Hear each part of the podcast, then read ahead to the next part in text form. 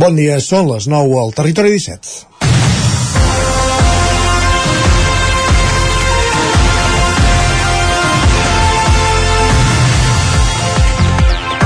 Junts i el grup independent Som i Ripoll van votar dimarts al costat del govern d'Aliança Catalana per tombar una moció de la CUP sobre el sistema d'empadronament. L'objectiu de la moció, segons el portaveu copaire Dani Vilaseca, era evitar les màfies que s'aprofiten de persones en situació de vulnerabilitat, independentment del seu origen, tot i que ningú se li escapa que aquesta vulnerabilitat, en bona part, prové de la situació administrativa en el cas d'alguns immigrants. Junts i Somi argumentaven que Ripoll té uns requisits per empadronar-se ajustats a la normativa. Ara bé, tornem al fet de votar al costat del govern d'Aliança Catalana. D'entrada, no ha de sorprendre perquè les dues formacions ja van avançar mesos enrere que si havien de donar suport a propostes que consideraven positives del grup xenòfob que governa l'Ajuntament, ho farien. Després de l'experiència del cordó sanitari que va passar factura sobretot a l'antic govern de Junts, els dos grups procedents d'aquell executiu han canviat d'estratègia. De fet, ja fa alguns anys que els ajuntaments van assumint experiència en aquestes situacions. A Vic, amb Josep Anglada, el cordó sanitari va funcionar en alguns mandats i en d'altres, uns i altres jugaven estratègicament amb les seves abstencions per tirar endavant o tombar propostes. Totes les estratègies tenen pros i contres. El que sí que cal és tenir clar que rere discursos populistes i sovint amb poc recorregut defensen i proposen sovint contra, propostes sovint contra els drets més fonamentals de qualsevol persona. I davant això, sí que entre la resta de grups cal un posicionament clar. El mandat ara comença i a Ripoll no serà fàcil. Caldrà que tothom estigui a l'altura. És dijous 28 de setembre de 2023, festa major a la comarca històrica del Lluçanès, que avui es troba a la confluència de camins ramaders, l'hostal del Vilam, on hi ha fira Sant Agustí de Lluçanès. I anirem durant el programa que ara comença la sintonia d'Ona Codinenca, Ràdio Cardeu, la veu de Sant Joan, Ràdio Vic, el 9 FM, i també ens podeu veure el seu a través de Twitch, YouTube, Televisió de Cardedeu, el 9 TV el 9 i la xarxa més. Territori 17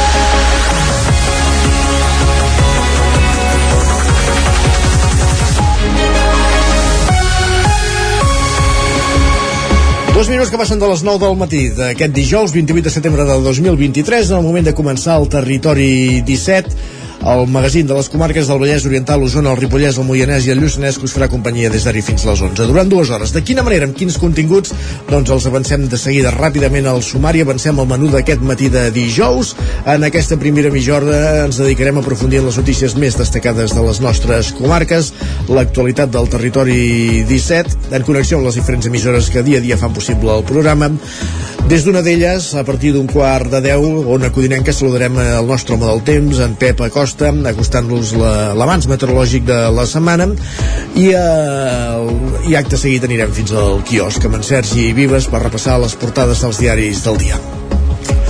A partir de dos quarts de deu pugem al tren a la Trenc d'Alba amb l'Isaac Muntades recollint les cròniques dels oferts usuaris de la línia R3, la línia de tren que comunica Barcelona, Granollers, Vic, Ripoll i Puigcerdà, la línia del nostre tren de cada dia. I a l'entrevista anirem fins a Mollà, amb, eh, en companyia d'en Roger Rams, des d'una codinenca, per parlar amb el regidor de mobilitat, Xavier Bach, sobre els canvis en la mobilitat que està patint la capital de, del Moianès.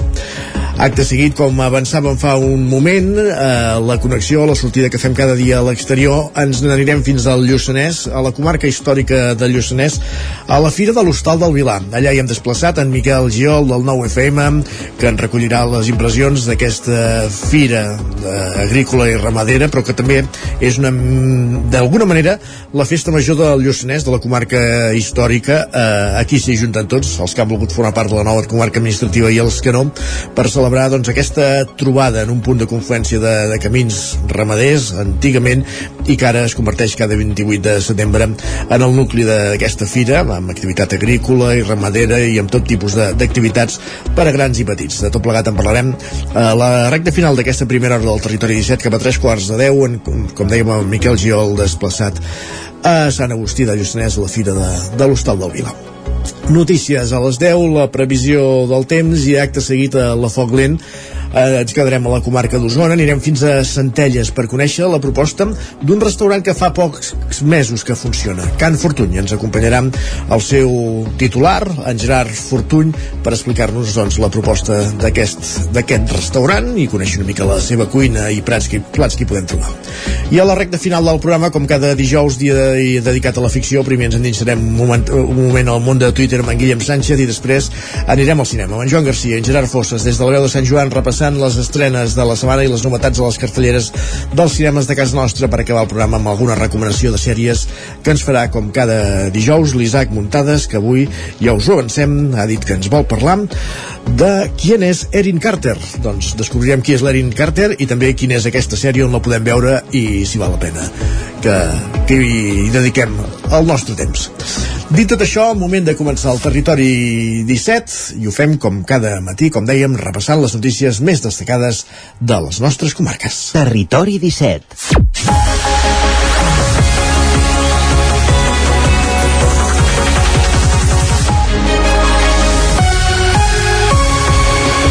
Ho avançàvem a la portada, Aliança Catalana rep el suport de Junts i els independents per tombar, tombar una moció de la CUP de Ripoll que volia millorar el sistema d'empadronament per evitar les màfies.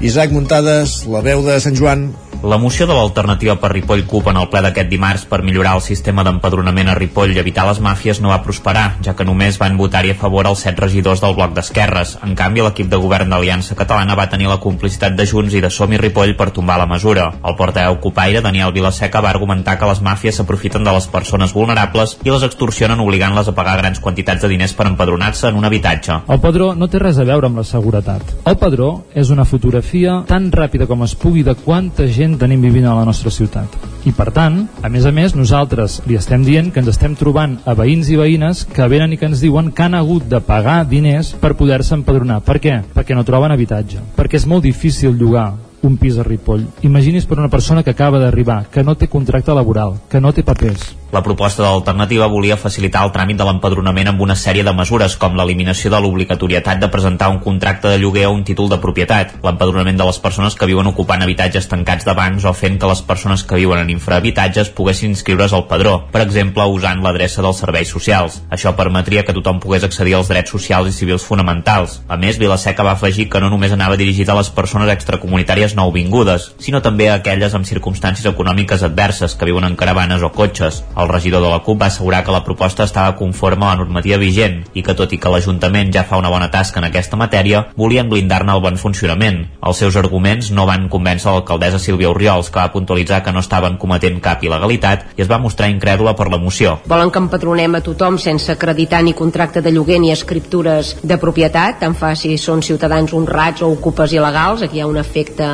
crida a l'ocupació, i no prou contents ens insten doncs, empadronar en dependències municipals les instal·lacions del Consorci de Benestar Social a qui no disposi d'habitatge. L'Ajuntament de Ripoll té tot el dret d'exigir documentació per comprovar la veracitat de les dades aportades per part de qui es vol empadronar, ja sigui el títol de propietat o contracte vigent d'arrendament acompanyat del darrer rebut de lloguer. I té tot el dret i jo hi afegiria que a més a més té el deure de fer-ho, perquè el padró d'una vila condiciona i molt el nivell de seguretat i de prosperitat del conjunt de ciutadans. L'alcaldessa també va instar Vilaseca a denunciar els casos d'empadronament il·legal en cas de conèixer algun. Maria Soldavila de Junts va justificar justificar el vot negatiu de la seva formació dient que l'Ajuntament de Ripoll té uns requisits per empadronar-se ajustats a la normativa, mentre que l'independent Joaquim Colomer anava en la mateixa línia i alertava que no toleraria cap mena d'ocupació perquè aportaven problemes als veïns i no eren pròpies de països desenvolupats com Catalunya. Gràcies, Isaac. Més qüestions. No fa massa dies, setmanes enrere els explicàvem la problemàtica del mercat laboral a Osona, que falten professionals a tots els sectors. Avui posem el focus en un àmbit concret, trobar cambrers i aconseguir consolidar la plantilla plantilla és un dels principals reptes de la restauració. De quin és l'escenari i de quina manera hauria d'avançar el sector? N'hem parlat amb l'Associació d'Empresaris d'Hostaleria i Turisme d'Osona i el Moianès. Sergi Vives, al 9FM. L'ofici de cambrer associat a horaris i esforços poc atractius va patir una important clatellada amb la pandèmia de la Covid-19. Si més no, així ho confirmen les xifres. Segons dades de l'Observatori de Treball de la Generalitat de Catalunya, a Osona el nombre de cambrers i cambreres és inferior al que hi havia ara abans de l'esclat de la crisi sanitària. Abans del coronavirus, al juny del 2019, es va assolir la xifra de 1.713 contractes a Osona, una xifra que el passat mes de maig va quedar-se en 1.465 contractes. Més enllà de la pandèmia, un dels motius endèmics que explica aquesta problemàtica són les condicions laborals d'una professió cada vegada menys llaminera pels joves. Almenys, això ho relata el gerent de l'Associació d'Empresaris d'Hostaleria i Turisme d'Osona i, el Mois, i el Moianès, Antoni Dinares.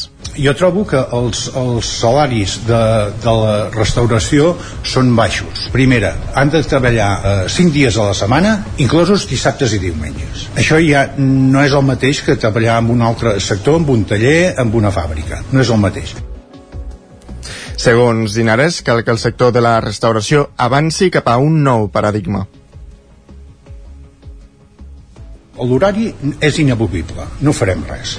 Ara, les condicions econòmiques sí que s'haurien de millorar molt.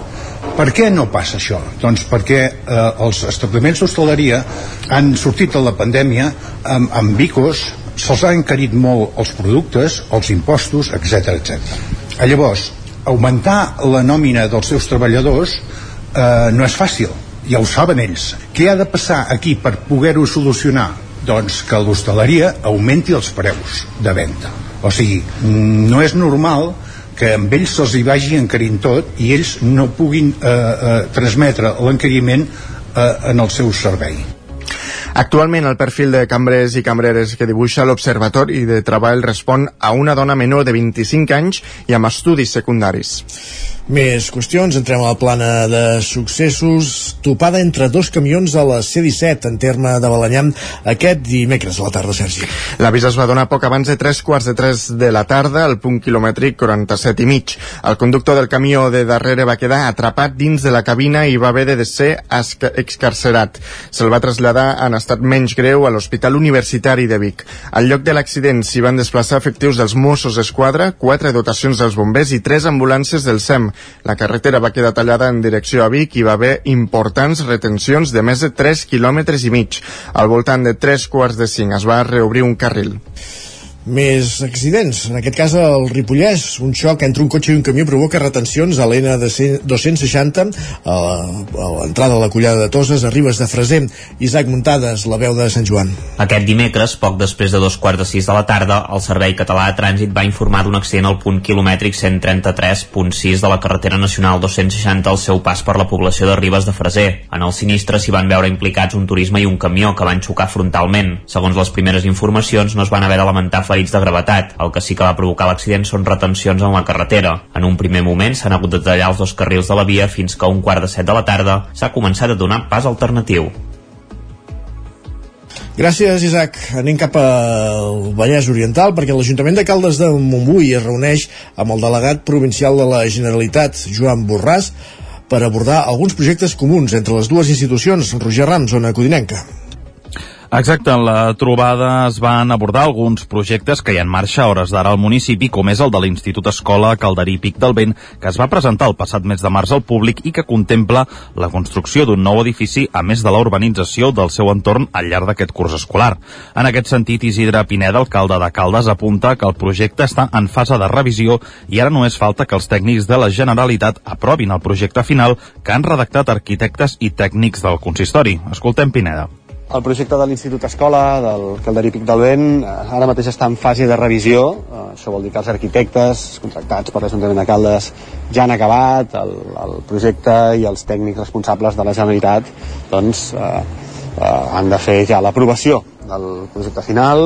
Esperem que sigui el més aviat possible, per això doncs, estem fent les reunions pertinents tant amb la delegació del govern, que és una de les principals col·laboracions que tindrem amb la Generalitat de Catalunya i també, com no pot ser d'altra manera, amb el Departament d'Educació.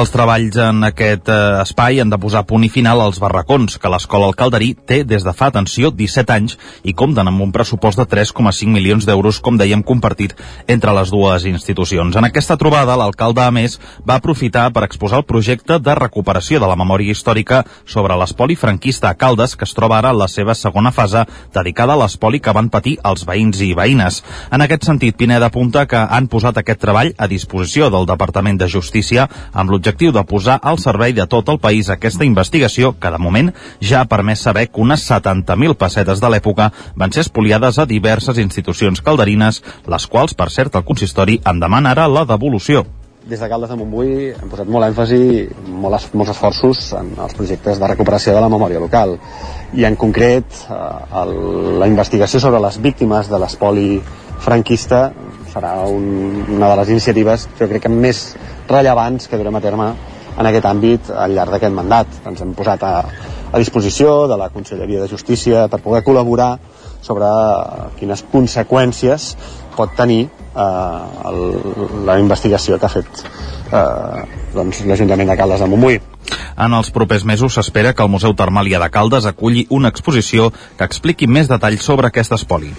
I encara al Vallès, el projecte Ciutats Defensores dels Drets Humans torna a visitar Granollers i, encara, i enguany ho faran amb una potent representació femenina dels àmbits més diversos. Enric Rubio, Ràdio Televisió Cardedeu. Hola Isaac, bon dia. Així és, del 2 a l'11 d'octubre la ciutat donarà acollida un any més al projecte i quatre defensores dels drets humans vindran per donar a conèixer la tasca que duen arreu del món per la lluita dels drets medioambientals, de les persones migrants i refugiades, de les dones, de les persones indígenes i del col·lectiu LGTBIQ+. L'objectiu d'aquesta visita és conscienciar la població i alhora fomentar les xarxes de suport d'aquests sectors. El projecte, coordinat pel Fons Català de Cooperació del Desenvolupament i gestionat per la Comissió Catalana d'Acció pel Refugi, es centra a visibilitzar any rere any la tasca que fan aquestes persones arreu del món per intentar revertir la vulneració dels drets humans. Les xifres de participants i organitzacions d'aquí casa nostra és llarga i extensa, i és que aglutina 28 ajuntaments, 9 entitats i diverses institucions catalanes implicades en la defensa i promoció dels drets humans a escala tant local com global. Les ponents que faran parada a Granollers seran quatre dones de diferents àmbits, però totes elles amb el, amb el mateix nexe comú dels drets humans. En primer lloc, hi haurà la mexicana Diana Damián Palencia, defensora dels drets de les persones migrants i refugiades. Vindrà també, en aquest cas, des de Nigèria, Adenike Oladosu, jove activista pel clima. Fàtima Hosseini també estarà entre les quatre representants. I aquesta és una fotògrafa afganesa iraniana que porta refugiada a París des de l'agost del 2021. I per últim tindrem Yeli Smik, una salvadorenya rapera feminista i activista que forma part del col·lectiu hip-hop femenino El Salvador. Gràcies, Enric. Avancem un últim punt des d'Osona per explicar que un any més, i amb aquest ja en van nou, la Fundació Impulsa comença un nou curs vacant i acompanyant més de 320 joves perquè puguin continuar els seus estudis de formació professional i cursar, com dèiem, cicles de formació professional. A Sergi Vives. La Fundació Impulsa, que opera a nou comarques, va celebrar l'acte d'inici de curs d'Osona dissabte a la sala d'actes de la Biblioteca Pilarín Valles de Vic. A Osona enguany són 83 alumnes que reben beca, 22, 22 dels quals són nous. Els joves becats són seleccionats a partir de criteris econòmics i de motivació, tal com explica la responsable de desenvolupament corporatiu de la Fundació, Mireia Lacàrcel. El que fem és becar i acompanyar joves que acaben de sortir de quart d'ESO, que es troben en una situació de vulnerabilitat socioeconòmica i que a més a més aquests joves doncs, el que tenen és moltes ganes de continuar estudiant, el valor del compromís no? i per tant aquests dos criteris són els que fan que nosaltres aquests joves siguin seleccionats i a partir d'aquí doncs, se'ls ofereix una beca, se'ls ofereix un ordinador a banda d'això, als joves també se'ls ofereix una persona mentora. Aquesta és voluntària i acompanya els joves en el seu creixement humà i acadèmic. L'Ester Martos és la mentora de Yasmina El Bachiri, una estudiant que cursa el segon any del cicle superior de comerç internacional. L'Ester explica com funciona la tasca de mentora i la Yasmina com ha anat aquest primer any de mentoratge. La relació de, consisteix bàsicament en que et trobes doncs, una vegada o dues vegades al mes, d'acord? No habitualment el que sí intentes és que sigui de forma periòdica i llavors amb aquestes trobades el que vas fer és que vas establint vincle, vas trobant doncs, amb, quines, doncs, amb quins punts tens coincidència, també veus que, el, com pots ajudar. Ui, per mi ha anat superbé, o sigui, tinc una mentora super, i jo estic super contenta amb ella i tot aquest temps m'ha acompanyat en moltes coses, ni personals i també mm, no personals, més ben dit. Des dels inicis, la Fundació ha acompanyat més de 560 joves. Asseguren que els resultats del mètode Impulsa són positius. Segons dades internes, el 80% dels joves que comencen a la Fundació es graduen en grau mig o grau superior, una dada que contrasta a nivell de Catalunya on la mitjana de graduats en formació professional és del 50%. Gràcies, Sergi, que veiem aquí aquest repàs informatiu que començàvem al punt de les 9 en companyia de Sergi Vives, Isaac Muntades, Roger Rams i Enric Rubio. Un moment al territori 17 d'afegir un altre nom, el d'en Pep Acosta, el nostre home del temps.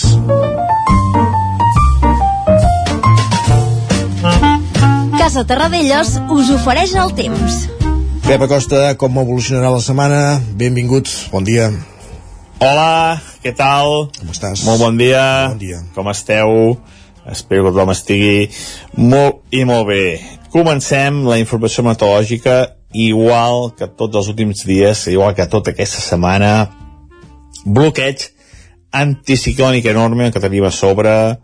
Uh, no hi ha manera de que, de que escampi, no hi ha manera de que aquest anticicló es mogui i bloqueja totes les pertorbacions, ho bloqueja absolutament tot, eh, cada vegada fa més fort, a més, eh, és que ja no hi ha no, no hi ha paraules, no hi ha paraules, eh, a més les temperatures van pujant, eh, les mínimes avui ja han sumat els 15 graus cap al prelitoral, només un mica fred de nit cap a la zona del Pirineu. Durant el dia les temperatures s'acosten, superen lleugerament els 30 graus, és ben bé com si estiguéssim novament al juliol o a ple agost. Uh, fa un temps d'aquest, de juliol a ple agost perquè és que n'hi ha cap núvol pràcticament. No creixen nuvolades uh, a, a, a les tardes no, no hi ha cap uh, indici de, de, de canvi de temps. Uh, un panorama molt complex un panorama realment desesperant el que tenim aquests uh, dies i a més important, el més preocupant no hi ha gairebé cap indici de canvi. No es preveu cap canvi eh, ni a curt ni a mig termini. Eh, continuem amb aquesta dinàmica. Avui novament les temperatures superaran els 30 graus les zones més càlides de les comarques. Eh, si bé la majoria màxima es voltaran els 25 entre 25 i 30 són els, els valors predominants i molts, molts valors així, eh, de 25 i 30 eh, graus vents molt febles uh, en definitiva és que és que un panorama molt estancat un panorama amb molt poca activitat meteorològica uh, un panorama realment desesperant amb aquesta crisi, aquesta crisi climàtica que tenim a zona nostra amb unes reserves d'aigua molt baixes i amb un panorama molt poc, uh, molt poc optimista de cara als pròxims dies. I això és tot, intentar disfrutar el dia i demà ja farem el temps del cap de setmana que serà gairebé clavat i fins i tot una mica més càlid. Moltes gràcies, adeu. Parlem d'aquí una estona, gràcies, Pep. Casa Tarradellas us ha ofert aquest espai. Doncs no, abans, no anuncia moviments en Pep Acosta, el que sí que anunciem nosaltres tot seguit és que repassem les portades dels diaris del dia.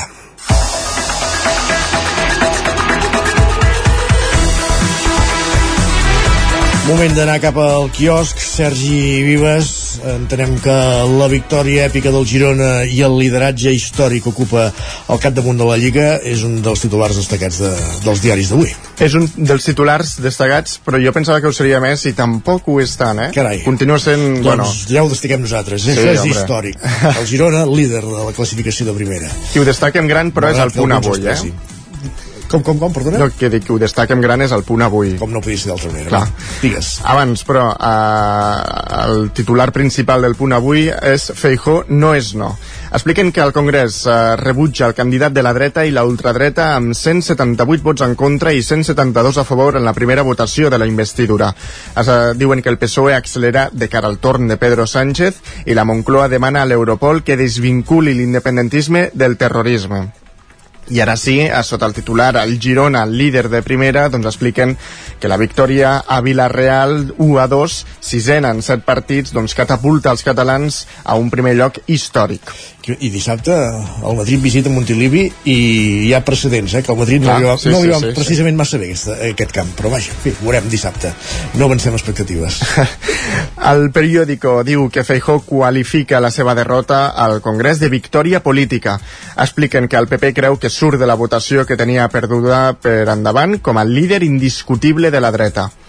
Per altra banda, destaquen que el Liceu torna a alçar el teló. Expliquen que el Coliseu converteix en un gran acte social al seu inici de curs amb Eugene Onegin, no sé si ho pronuncio bé, de Tchaikovsky. De fet, eh, la imatge que ocupa a la portada és bueno, impressionant tot el Liceu doncs, ple de persones. Molt bé. A mi m'ha sonat bé, eh? Per tant, cola. Ho donem per a bo. Exacte. A La Vanguardia diu que Feijó s'aferma en el PP i consolida el seu paper de líder de l'oposició. Expliquen que el president popular convenç els seus amb un discurs dur, prova de dividir la majoria que avala Sánchez per inestabilitzar-la, però per a la seva banda el socialista calla i espera rebre ben aviat l'encàrrec del rei. Per, um, per altra banda, diuen que Junts insta Aragonès a deixar de ser sumís amb Madrid, amb, amb Madrid o convocar eleccions anticipades. Expliquen que el PSC i els comuns censuren la cursa d'Esquerra Republicana i Junts per Cat per l'amnistia i es tornen a oferir per corregir el rumb. I l'ara, doncs, eh, encapçar la portada amb el titular, doncs, Feijó fracassa expliquen que els independentistes catalans i bascos adverteixen a Sánchez que haurà d'escoltar el que demanen. I anem a repassar ara les portades de Madrid. Sí. El país diu que uh, Feijó xoca amb la majoria del Congrés, 72-6, 78 nos. Expliquen que el líder popular fracassa però aconsegueix un tancament de files en el seu partit mentre els socialistes busquen una investidura ràpida de Sánchez. La BC diu que Sánchez va encarregar en secret a Puente l'atac a Feijó tres setmanes abans de la investidura. Expliquen que no que ho va ocultar el nucli dur de Moncloa i Ferraz. Diuen que va aprovar les crítiques a González i el, en el discurs el que volia era quedar com a líder històric que va tornar al PSOE al poble. I el Mundo diu que el 19% dels votants del PSOE inves, uh, investiren a Feijó després del debat. Jo diria d'una altra manera, que el 81% dels votants del PSOE no ho farien. I, però, I com ho saben? Els ha anat a buscar un a un. Ah, això, bueno, això és el mundo. Exacte. Aquests percentatges. Molt bé, molt bé.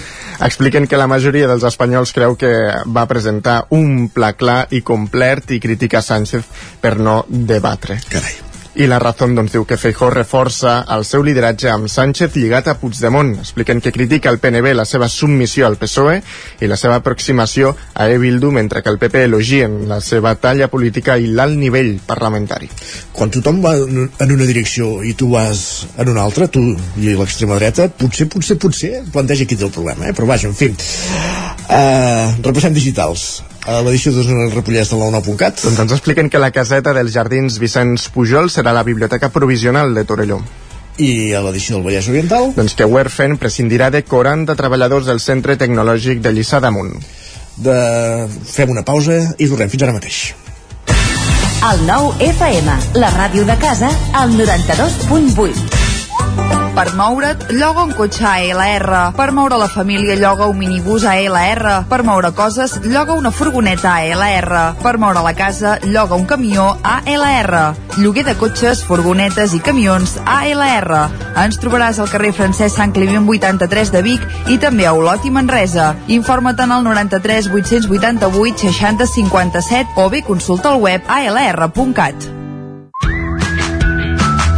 Si t'agraden les antiguitats, vine a l'1 d'octubre al recinte Firal al Sucre de Vic. A la descarregada de Vic hi trobaràs mobiliari, objectes de decoració, peces d'art, joies, eines, llibres i moltes coses més. Descarregada d'Antiguitats de Vic, diumenge 1 d'octubre, de 8 del matí a 2 del migdia. Sorteig d'un obsequi entre tots els visitants. T'hi esperem.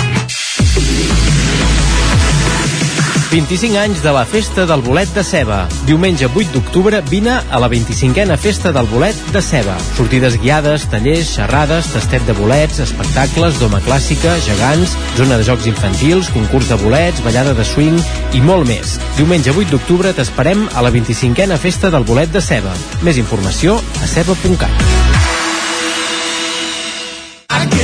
Amb Pradell estalvio energia i cuido la meva butxaca i el medi ambient. Posa't en mans a Pradell, són experts en calderes de gas i condensació, estufes de pelat, energia solar, terres radiants i geotèrmia. Pradell instal·la calderes de biomassa per a particulars i per a empreses. Si vols estalviar un 50% en consum, contacta amb Pradell i passa't a les energies renovables. Pradell som a l'Avinguda Països Catalans 27 de Vic. Telèfon 93 885 1197. Pradell.cat. Quan tingui un problema amb la seva caldera, vagi directament a la solució. Truqui sempre al servei tècnic oficial de Saunier Duval i despreocupis, perquè som fabricants i coneixem les nostres calderes peça a peça. I ara aconseguiu fins a 300 euros en canviar de caldera. Informeu-vos al 910 77 10 50 o a saunierduval.es. La qualitat de les teves impressions és important per tu? Estàs cansat que els colors i les imatges no surtin com t'esperes? A Impremta Mater disposem de la tecnologia més avançada i els millors professionals per aconseguir impressions d'alta qualitat. Fem tota classe d'impresos amb acabats professionals. Llibres, catàlegs, revistes, tesis, calendaris, enquadernacions... I a més, disposem del servei d'impressió digital en gran format, roll-ups, lones, pòsters i molt més. Impremta Mater. Ens trobaràs a la carretera de Sant Hipòlit 23 de Vic o impremtamater.com. El nou FM. El nou FM. Territori 17.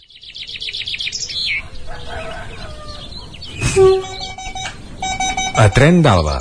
Cada dia els usuaris i usuàries de la línia R3 de Rodalies que veuen sortir el sol des d'un vagó ens expliquen les gràcies i les penes del primer comboi que uneix Ripoll i Barcelona o les feixugues jornades amb el tren després de treballar.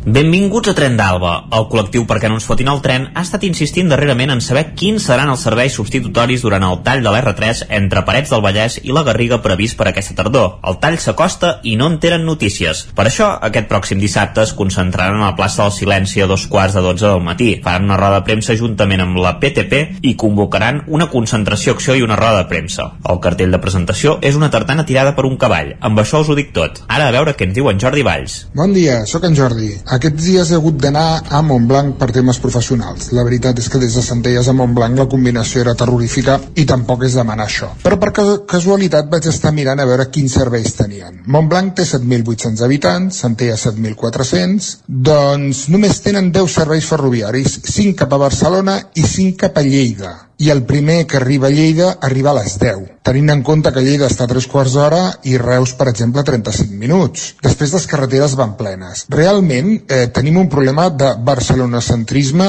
i aquí m'incloc jo com usuari habitual del transport públic cap a Barcelona. Com pot ser que una capital de comarca, eh, Montblanc, capital de la Conca de Barberà, tingui aquests serveis tan paupèrrims. I tenint en compte que Reus amb autobús es fa, no en 30, es fa en 45 minuts i amb tren 35 minuts, per tant el, el temps de viatge és competitiu.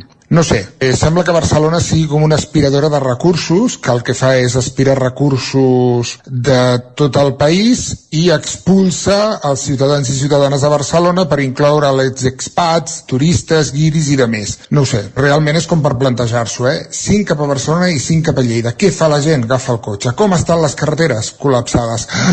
Ai, el canvi climàtic potser que ens comencem a mirar i a plantejar que el territori, un territori és no àrea metropolitana, eh, també hi ha vida, d'acord? I no estem parlant de llocs que no hi visqui ningú, sinó que és una comarca on hi viu força gent. Res, l'estació bonica, dues vies, un bar que fa de cantina i fa de serveis bitllets i poca cosa més. És el que hi ha. Aquest és el país que tenim. Vinga, adeu-siau i molts ànims. Doncs sí, quina pena que les rodalies de Catalunya siguin tan barcelonacentristes i hi hagi uns serveis tan paupèrrims a Montblanc. Amb 10 serveis al dia i que el primer tren de Lleida arribi a les 10 del matí ja m'ho has dit tot. Poca competitivitat contra el cotxe. I això que Montblanc és una capital de comarca, que si no ho fos, va, en retrobem dilluns amb més històries del tren i de l'R3.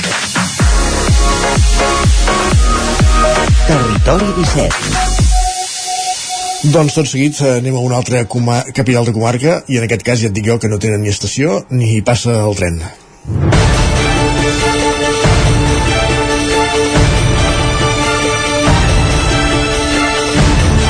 Avui a l'entrevista anem cap a una codinenca per parlar de mobilitat i sobretot dels canvis en aquest aspecte que s'han fet a Mollà. Per això podem saludar el regidor de mobilitat de l'Ajuntament de Mollà, en Xavier Bach, per conèixer per on passa el present i el futur de la mobilitat a la capital del Moianès. Primer de tot, però, com cada dia saludem en Roger, Ram, els, en Roger Rams als estudis d'Ona Codinenca. Benvinguts un dia més. Roger, bon dia.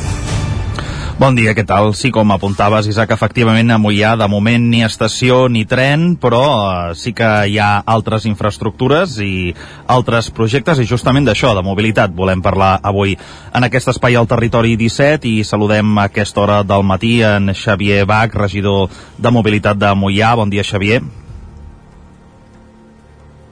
Bon dia. Uh, gràcies per acompanyar-nos aquí al Territori 17 aquest matí. Primer de tot, Xavier, avui uh, volem centrar aquesta conversa, com no pot ser d'altra manera, en la mobilitat.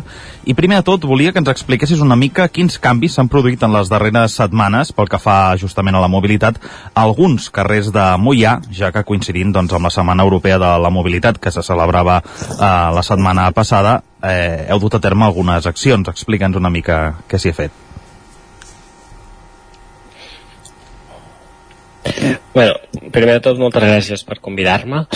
Eh, bueno, el principal canvi doncs, que, que hem implantat a Mollà és començar a implantar el que és, anomenem el pla de centre, que en definitiva consisteix en, en donar a la ciutadania que són els carrers més centrals de, del nostre municipi, perquè de fet no hi ha cap mena de raó no, per, per el qual hagin d'entrar els, els cotxes des de que ja es va inaugurar un, un aparcament doncs, molt a prop i per tant ja tenen no, eh, resolta aquesta solució d'aparcament pel centre, però en canvi sí que no, hi ha moltes activitats que s'hi poden fer, com anar a comprar, hi ha molts bars, eh, s'hi celebren doncs, diferents cerimònies no, al voltant de l'església, també hi ha el cau doncs, que, és una, que té aquesta necessitat de jugar al centre, i per tant simplement estem doncs, retornant al, a la ciutadania doncs, tot, tota aquesta part eh, més central.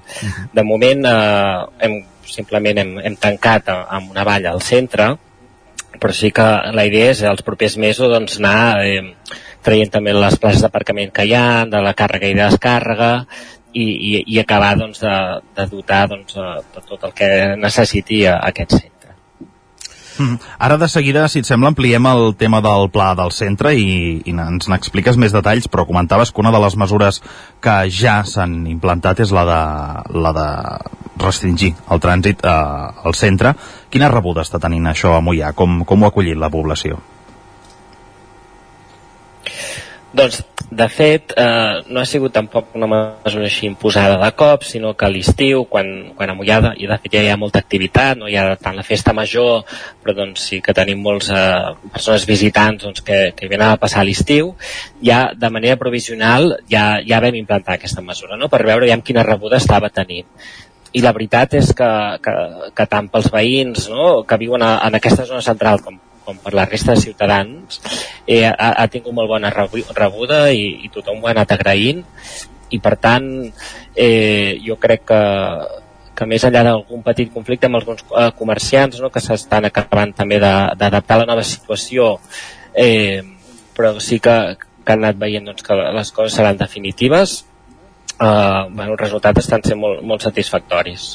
Uh, ara ho apuntaves, uh, aquestes mesures de, de restringir el trànsit uh, als, als centres, ara s'aplica a Mollà, però uh, s'ha aplicat en altres punts de, del país, i sempre generen aquesta animadversió entre els que estaven acostumats a anar amb el cotxe a, a, a tot arreu, a, a la porta. El sector del comerç també sempre és dels que que, que, que entén que si no poden aparcar a la porta de, de la botiga i perdran, eh, perdran, perdran clients pel que abans, pel que has dit eh, més o menys tothom va entenent la mesura i, i, i, i entenent-la diguéssim i respectant-la per entendre'ns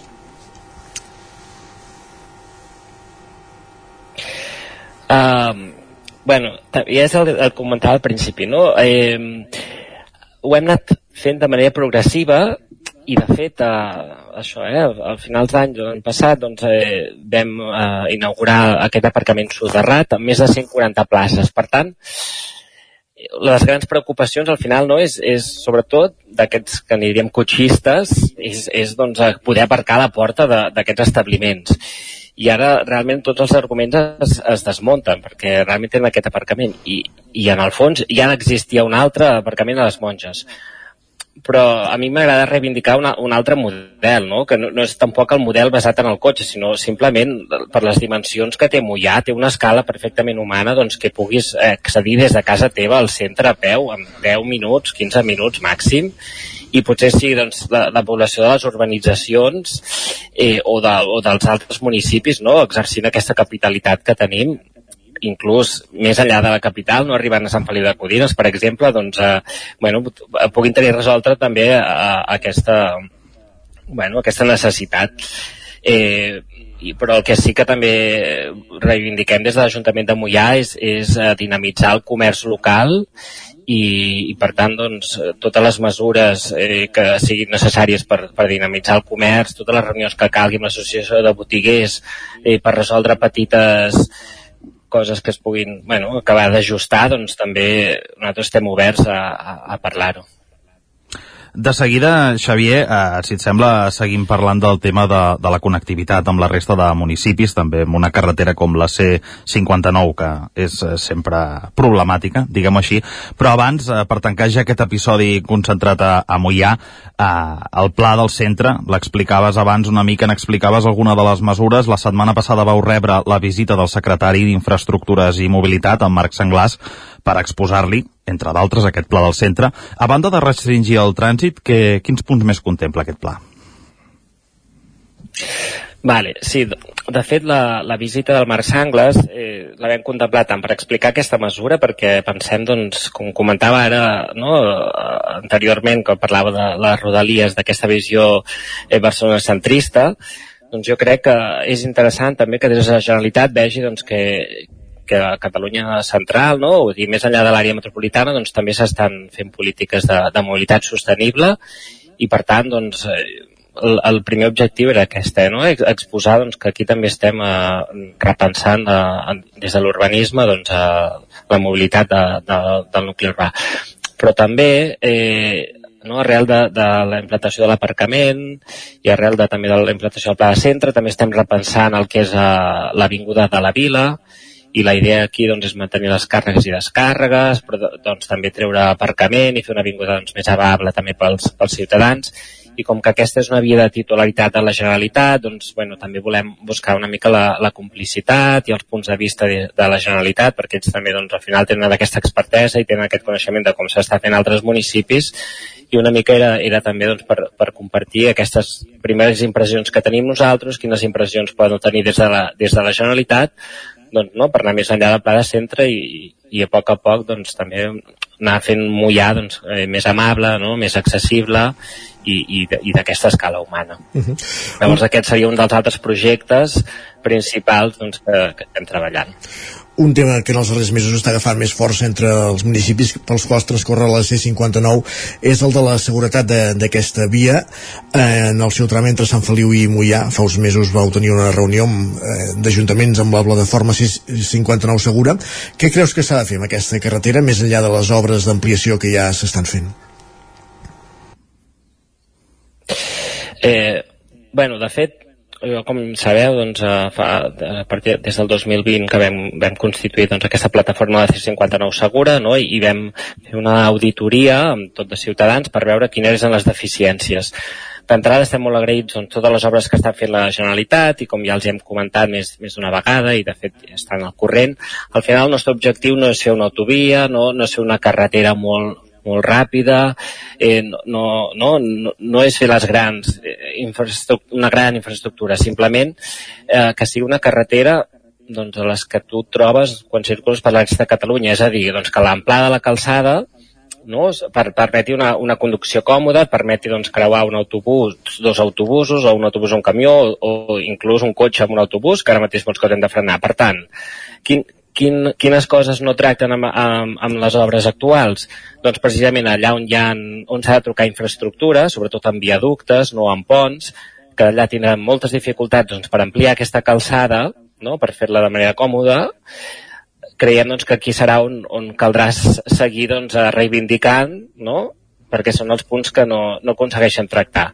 Tot i això, també volem veure, aviam, un cop s'hagin acabat la, la, la carretera, què tal és aquesta cureta trepitjable. Eh? Volem veure quins seran els resultats. Per tant, tampoc no puc avançar que, més reivindicacions fins que no, no, no s'hagin vist les obres també eh, executades, perquè sí que és cert doncs, que tot de petites eh, contribucions que els hi hem anat sol·licitant, sembla que les estan estudiant i per tant doncs, també, la, també estan eh, modificant puntualment algun de, del projecte inicial no? una mica per, per donar solució a, a algunes de les necessitats que s'han anat demanant des de la comarca.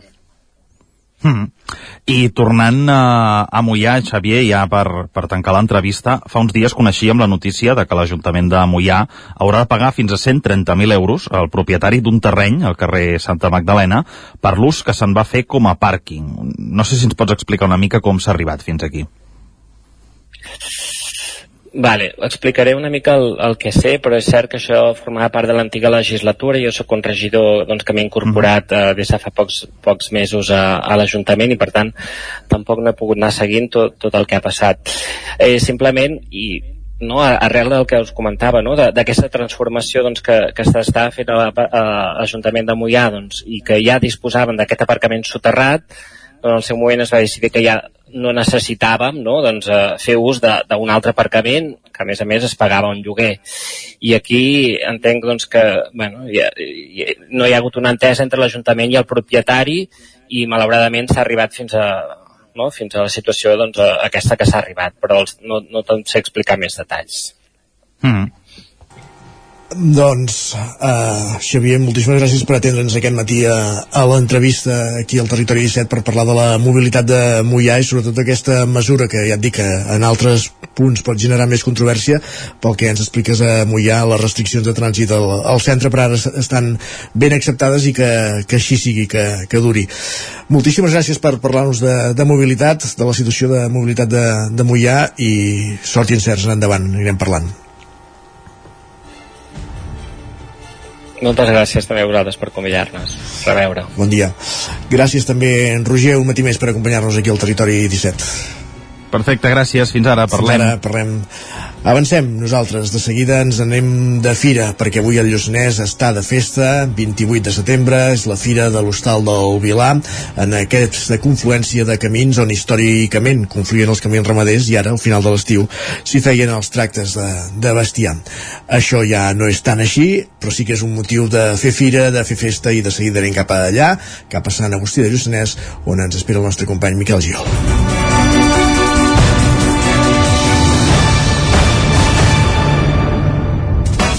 Territori 17. Un minut que passa de 3 quarts de 10 del matí.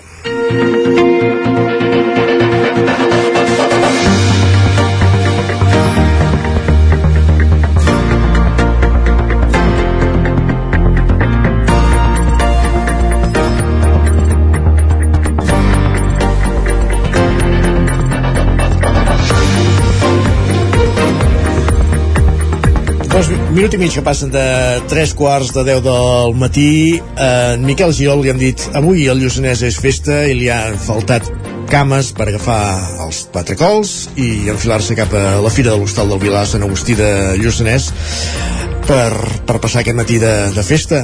Miquel, benvingut, bon dia, explica'ns què, què veus, què tens al teu horitzó ara mateix.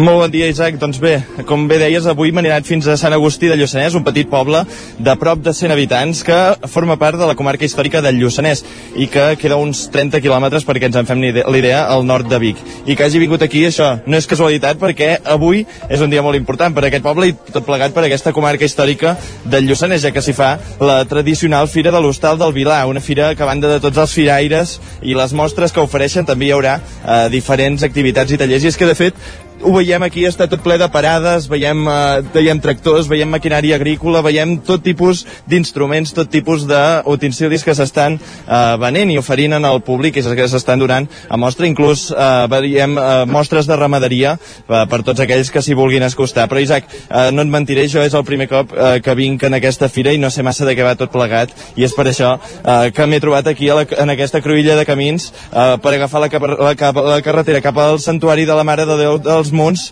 amb Josep Pujol, exalcalde del municipi i membre de l'organització d'aquesta fira perquè ens ho expliqui tot una miqueta millor. Molt bon dia Josep i moltes gràcies per atendre'ns aquí al Territori 17. Bon dia. Josep, d'entrada, ens explicaries una miqueta en què consisteix aquesta fira de uh, l'Hostal del Vilar? Bueno, aquesta fira de l'Hostal del Vilar bé és molt antiga, no sabem ni quan va començar, perquè tothom en parla, vull dir, els meus avis en parlaven, eh, bueno, els pares encara bé, no sabem com va començar. Aquest sí sabem que aquesta fira abans era totalment ramadera, i unes, tot era ramader, no hi havia gran cosa més. I tot era basat en la llana, que és el que hi havia, es veu abans, ramats d'ovelles, cabres, i això. En qual va començar amb vaques i animals de peu rodó. Peu rodó antigament n'hi havia hagut molt, ara hi ha una mica d'exposició també amb algun cavall de peu rodó i això perquè es veigui, però aquí no és la tradició. Sí que hi ha molts cavalls aquí al voltant, d'aquests hípiques i no sé aquests que van a córrer, però els de treball, de treball, de treball, ara no es fan servir, però n'hi ha algun, alguna mostra aquí i també hi és. Això ha anat canviant, ara tenim parades de tot, multisectorial, hi ha de tot, te pots trobar una ampolla de vi, com un formatge, com un ganivet, una esquella, eh, de tot. Llavors tenim, fem també una mica de, de coses antigues, que, que hi ha uns que fan esclops, altres cistells, i llavors els de nosaltres, dic nosaltres perquè jo vull participar, volíem d'allà,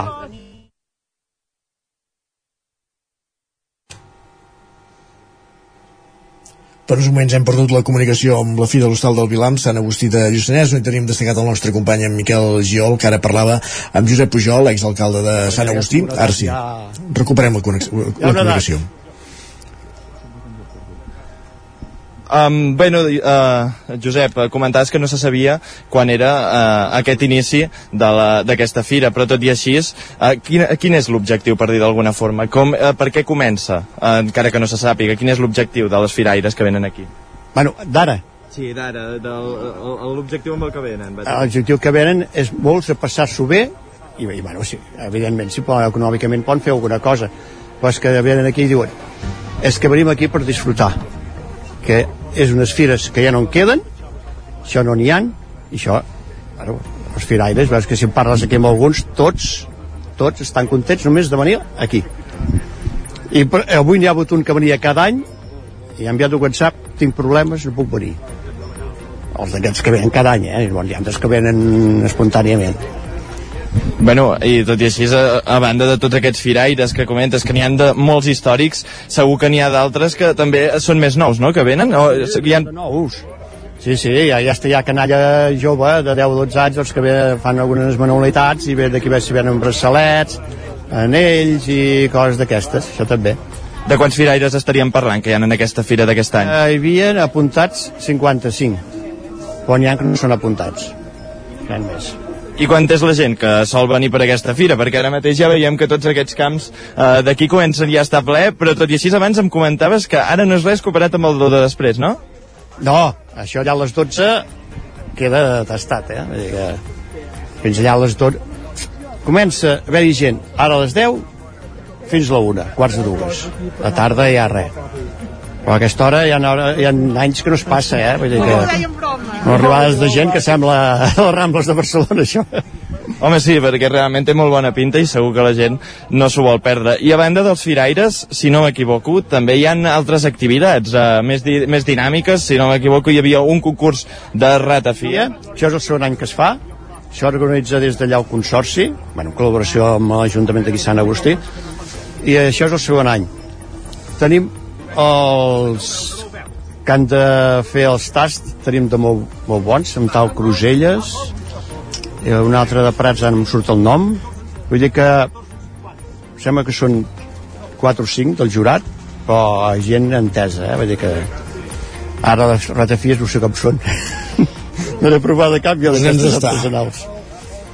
No, no, no, hi... Que surten molt bones, d'altres que, que no. no t'han deixat fer mai de jurat? No en tinc ganes, eh? Jo, després de l'alcohol, gaire alcohol no... Però tot i així sempre està bé, no? Per aquestes mostres. Vull que es faigui, però vull dir, ser el jurat no. I parlant ja d'aquesta edició, fa molts anys que es fa eh, aquesta, aquesta fira, com ens deies, hi ha hagut algun canvi de rellevant de l'edició de, de l'any passat en comparació amb aquesta? No. L'únic canvi que hi ha hagut ha estat la, ara tenim alcaldessa i abans hi havia un alcalde vell. Res més. I si no m'equivoco, també eh, havíeu dit alguna cosa de que el, un dinar que és popular que es solia fer ja no es No feia. es fa. Des que va haver la pandèmia vam eh, anul·lar-ho i ara sembla ser que ja no recuperarà perquè la gent ja està acostumada a marxar allà a les dues ja no recuperarà. Ja per anar acabant, Josep, eh, quin missatge enviaria als, als oients del Territori 17 perquè s'acostin aquí a la Fira de l'Hostal del Vilar de Sant Agustí de Lluçanès pel que queda d'avui? Bueno, doncs que vinguin aquí a la fira, a visitar la fira i com més visitants vi- vinguin, més anys durarà la fira. És així? Tant per part de, de parades com de, de, de, de, de públic. És molt important que vingui públic. Doncs moltes gràcies, eh, Josep Pujol, eh, per, per atendre'ns aquí. Nosaltres no marxem encara perquè, de No. fet, per aquí, eh, com, com veiem, tenim tot de firaires, eh, són els protagonistes d'aquesta fira principalment, i de fet tenim aquí per, eh, amb nosaltres un que, si no m'equivoco, és, el, eh, és el més eh, vell, no, no d'edat, sinó el, el que porta més anys eh, venint d'edat poder també doncs és el que porta més anys eh, venint aquí a la fira de l'Hostal del Vilar eh, de eh, Sant Agustí de Lluçanès eh, és en Marc Terricabres, bon dia Marc Bon dia. eh, com va tot per aquí de moment? Bé, va, ja anem venent. Anem venent, sí, que va bé, eh? M'han dit eh, que no és el primer any de, que ve aquí a la fira de l'Hostal del Vilar ara, eh, quants anys fa més o menys que ve? Josep, com fa que vinc aquí? Jo en tinc 80. Oh, més de 50 anys, mare de Déu. I què hi ven? Allà, dues parades i prou. Déu. Sí, més, sí, 60 anys segur. I què és, què és el que hi ofereixes aquí? Veiem eh, tot de tipus Canivets, esquelles, de tot. Collàs, tot pel, tot pel bestiar. Sí, veiem de fet aquí eh, alguna... eh, Jo, jo no li sé dir eh, el nom de, dels, de, de, de les eines del bestiar, però m'ho sabria dibuixar una miqueta per la, per la gent que ho vulgui saber més o menys. Collàs, a les vaques collàs, esquelles, de tot, venem, venem de tot. Ajuda que fa 60 anys que vinc, poder més. Paràvem allà a la font, allà. No, ha de ser una història molt llarga, més de 50 anys que fa que ve aquí. Però tot i així, eh, què és el que fa que hi torni cada any eh, aquí? Aquí venem molt. És la millor fira que tinc de, de totes jo. La millor fira, eh? Sí. I llavors eh, li veu futur en aquesta fira? Vull dir, ara, ara mateix eh, potser el sector ramader és una cosa que cada cop va menys, eh, eh, costa de fet trobar el relleu generacional. Eh, com ho veu vostè des de la seva perspectiva? Que sempre n'hi hauran de vaques, i, i ovelles també. Sempre, eh? I el que venc és, és l'interessant per això. El pagès, jo venc molt amb el pagès. Amb el pagès, sí. Els mercats ja són morts. Bueno, i de fet, veiem que aquí la paradeta no està sola. Ha vingut ja amb el seu fill, que de fet ja li agafa el relleu en aquesta fira. Sí, jo, jo faig escabell també, sí. Primer va venir el meu avi, llavors el meu pare, llavors jo i ara el meu fill. Per tant, la parada dels Terricabres en té per molts anys, no? Molts anys, sí, jo diria que sí. I el seu fill també es dedica a això? Es vol dedicar? Sí, sí, sí. I això té un taller eh?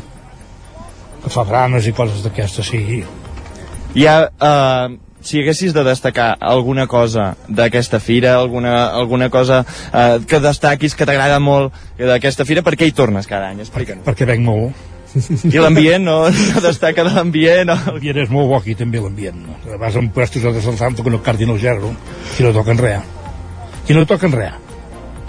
Bueno, i, i vostè, que porta aquí molts anys, que pràcticament podríem dir que és, sí, sí, han, dit, la parada més vella de, de la fira actual de l'Hostal del Vilar. Com l'ha vist evolucionar aquesta fira? Com ha canviat al llarg dels anys? Mira, abans hi havia molta gent, molta, però va durar un temps que no hi havia ningú. Però durant temps que hi havia dues prades, hi ha l'ambulància, parava en dues prades i prou. Les va agafar aquest noi, l'alcalde aquest, i van tornar a aixecar-ho fort. Hi ha molta gent aquí, eh? Sí, sí, totalment.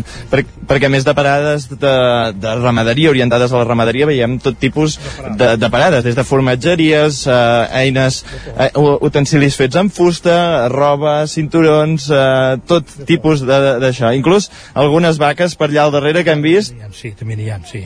Vostè sempre ha vengut això? També ha portat altres tipus de... Jo sempre porto això i prou. Això i prou. Ara porto alguna cistella, eh? I prou, sempre porto això jo. Molt bé, doncs moltes gràcies, Marc Terricabres.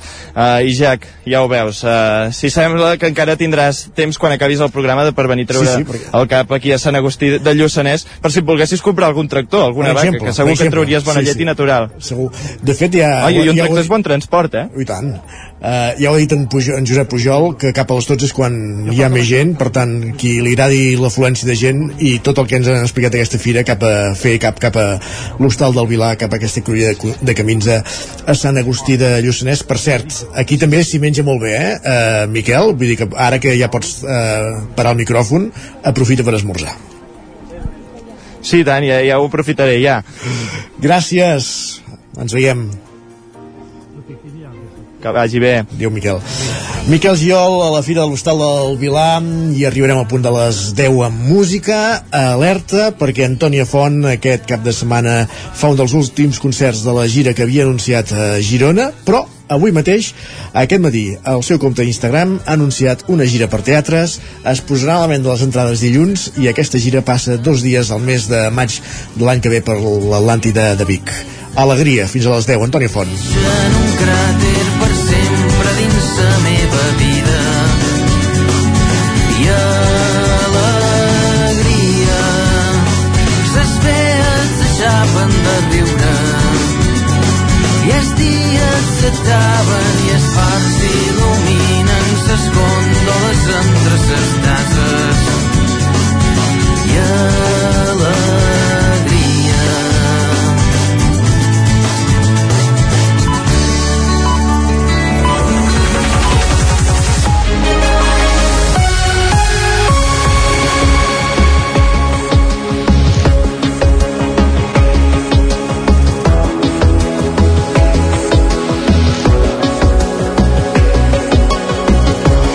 és moment al Territori 17 de posar-nos al dia, d'actualitzar-nos amb les notícies més destacades de les nostres comarques i ho fem en connexió amb les diferents emissores que dia a dia fan possible aquest programa Ràdio Cardedeu, Ona Codinenca, la veu de Sant Joan, Ràdio Vic, el 9FM i ens podeu veure també a través de Twitch, YouTube, el nou TV, Televisió de Cardedeu i la xarxa més al Territori 17, el magazín de les comarques del Vallès Oriental, Osona, el Ripollès, el Lluçanès i el Moianès. Detenen a Sant Celoni un home que fugia temeràriament per l'AP7 després de robar la càrrega d'un camió a Massana Sanet, a la Selva. Roger Enric Rubio, Ràdio Televisió Cardedeu. Així és, Isaac. Eh, ahir dimecres els Mossos van protagonitzar una persecució per l'AP7, després de que un home robés la càrrega d'un camió en una àrea de servei de Massanet de la Selva i fugís temeràriament. Durant la persecució, mentre la policia intentava fer aturar la furgoneta del fugitiu, un cotxe còmplice d'aquest va buidar un extintor al vehicle dels Mossos per dificultar la visibilitat dels agents. Al cap de poc van entrar en una àrea de descans de la localitat de Sant Celoni on la furgoneta es va aturar i l'ocupant van prendre la fugida a peu, mentre l'altre vehicle aconseguia fugar-se. Els agents van seguir el rastre del fugat dins del bosc i després de la recerca per un rierol van poder trobar les petjades que, li va, que els hi va permetre localitzar i arrestar el lladre, el qual van trobar amagat en unes romagueres. L'arrestat de 35 anys comptava ja amb antecedents policials. Està acusat de ser el presumpte autor d'un delicte de conducció temerària, de conduir amb un permís sense vigència, de robatori d'un vehicle i d'un altre per robatori amb força a l'interior d'un altre vehicle. El detingut ja ha passat a disposició judicial davant del jutjat d'instrucció en funcions de Guàrdia de Granollers, però els Mossos no descarten més detencions, així que de moment mantenen l'investigació oberta. Perfecte, doncs estarem pendents d'aquesta investigació, com evoluciona. Gràcies, Enric. Parlem més tard. Gràcies. Avancem al territori 17. El Consorci Hospitalari de Vic ha encetat el nou curs acadèmic. L'habitual acte d'arrencada va comptar amb el lliurament de premis a professionals del Consorci pels treballs de recerca i una conferència de Joan Guanyavents. Sergi Vives, al 9FM. L'ús de la intel·ligència artificial en l'àmbit de la salut no té marxa enrere i el que cal decidir és què se'n fa d'aquesta eina dins del sector i com s'hi aplica. Són les premisses que defensava Joan Guanyavents, director de la Fundació TIC Salut i Social i expert en l'aplicació de les tecnologies de la informació i la comunicació en l'àmbit sanitari en la conferència que inaugurava el curs acadèmic del Consistori Hospitalari de Vic. Guanyavents assegurava que les primeres especialitats mèdiques que veuran canvis substancials per l'aplicació de la intel·ligència artificial seran les que tenen accions més repetitives i menys interacció amb el pacient, però que el canvi que es deriva d'aquesta tecnologia afectarà tot el sistema. I el que es pensi això no va amb mi, ho té molt clar, s'està equivocant, perquè això és tsunami. Això no només afectarà tots els ordres de la nostra societat, està afectant a tots els ordres de la nostra societat, també els artistes, com estem veient, a qualsevol, sinó que en el nostre sector no hi ha especialitat que se n'escapi guanyar temps perquè els professionals el puguin dedicar als pacients, al triatge de les llistes d'espera, la creació de sistemes que puguin ajudar les decisions mèdiques i l'aprofundiment de l'atenció personalitzada són elements positius que es poden derivar de l'aplicació de la intel·ligència artificial a la salut. Els riscos tenen a veure amb qüestions ètiques, com que els algoritmes es generin en base a discriminacions, la protecció de les dades, la desinformació o la pèrdua de privacitat. Per minimitzar-lo, per minimitzar Carlos Guanyavents reclama una bona regulació. Tot això ho hem de regular, i això només s'arregla en regulació, establint com s'han de fer les coses per fer-ho bé, perquè amb dades que siguin dolentes, la tecnologia ens pot ajudar a convertir-les en bones. I per tant, allà on tens una base de dades que discrimina, podem generar dades sintètiques que minimitzen aquesta discriminació. A la part final de l'acte es van lliurar els premis a les millors publicacions científiques i a la millor comunicació fetes per professionals del Consorci Hospitalari de Vic al curs passat i es van reconèixer dues professionals que s'han doctorat recentment. Gràcies, Sergi. Més qüestions anem cap al Ripollès perquè la Fundació M de Sant Joan de les Abadesses renova la cuina amb una inversió de gairebé 147.000 euros. Isaac Montades, la veu de Sant Joan. La reforma integral de la cuina de la Fundació Emma, el centre de dia i la residència per a gent gran de Sant Joan de les Abadeses ja està llesta. L'obra, que ha tingut un cost de gairebé 147.000 euros i s'ha finançat en fons de la mateixa residència, tenia com a objectiu la millora de l'eficiència i la sostenibilitat de l'espai, així com facilitar la tasca dels cuiners. Podem escoltar l'alcalde de Sant Joan, Ramon Roquer, detallant quines actuacions s'han fet. Estem parlant d'una modificació i una reforma integral de tota la cuina, parlem de, des de fer tancaments, parets noves, terra nou i totes les màquines noves. Per tant, estem parlant de màquines molt més eficients a nivell eh, energètic, però molt més útils eh, en el sentit de que totes elles d'elles doncs, són màquines actuals i que totes tenen unes prestacions molt elevades i que poden oferir doncs, un servei molt important doncs, a les persones que porten la cuina de la, de la residència. No? Alguns dels nous elements de la cuina són una marmita i una paella basculant. Com deia Roquer, els nous equips utilitzen energies renovables i tenen un baix consum d'energia. A més, s'han incorporat mesures per reduir el malbaratament d'aliments. Aquest projecte s'havia d'haver abordat abans, però la pandèmia va impedir que es poguessin fer les obres. La Fundació Emma té capacitat per atendre prop de 60 persones residents, una quinzena d'usuaris usuaris que fan servir el centre de dia i una 5 de menjador social. Per tant, cada dia es preparen entre 70 i 75 menús a cada esmorzar, dinar i sopar. La regidora de Salut i Serveis Socials, Vanessa Pau, va explicar que la cuina hi treballen 4 persones i que cada cop es fan dietes més personalitzades. Cada cop més s'intenta personalitzar les dietes, la gent amb disfàgia, buscant triturats, mixtures, sabors, i poden fer més varietat, amb més temps i més seguretat també per elles. Ens comentaven doncs, que estan molt més còmodes, tenen més espai, es senten més segures, el terreno patina. Roquer també va recordar que fa un temps s'havien renovat gairebé totes les habitacions i ara faltaria acabar les que resten. Gràcies, Isaac. Anem cap al Vallès Oriental perquè s'ha dut a terme els treballs per reparar el mural pintat durant el Festival Ganxo al Parc de Can Xifreda de Sant Feliu de Codines, que va ser vandalitzat només poques hores després de ser pintat. Roger Ram, zona codinenca.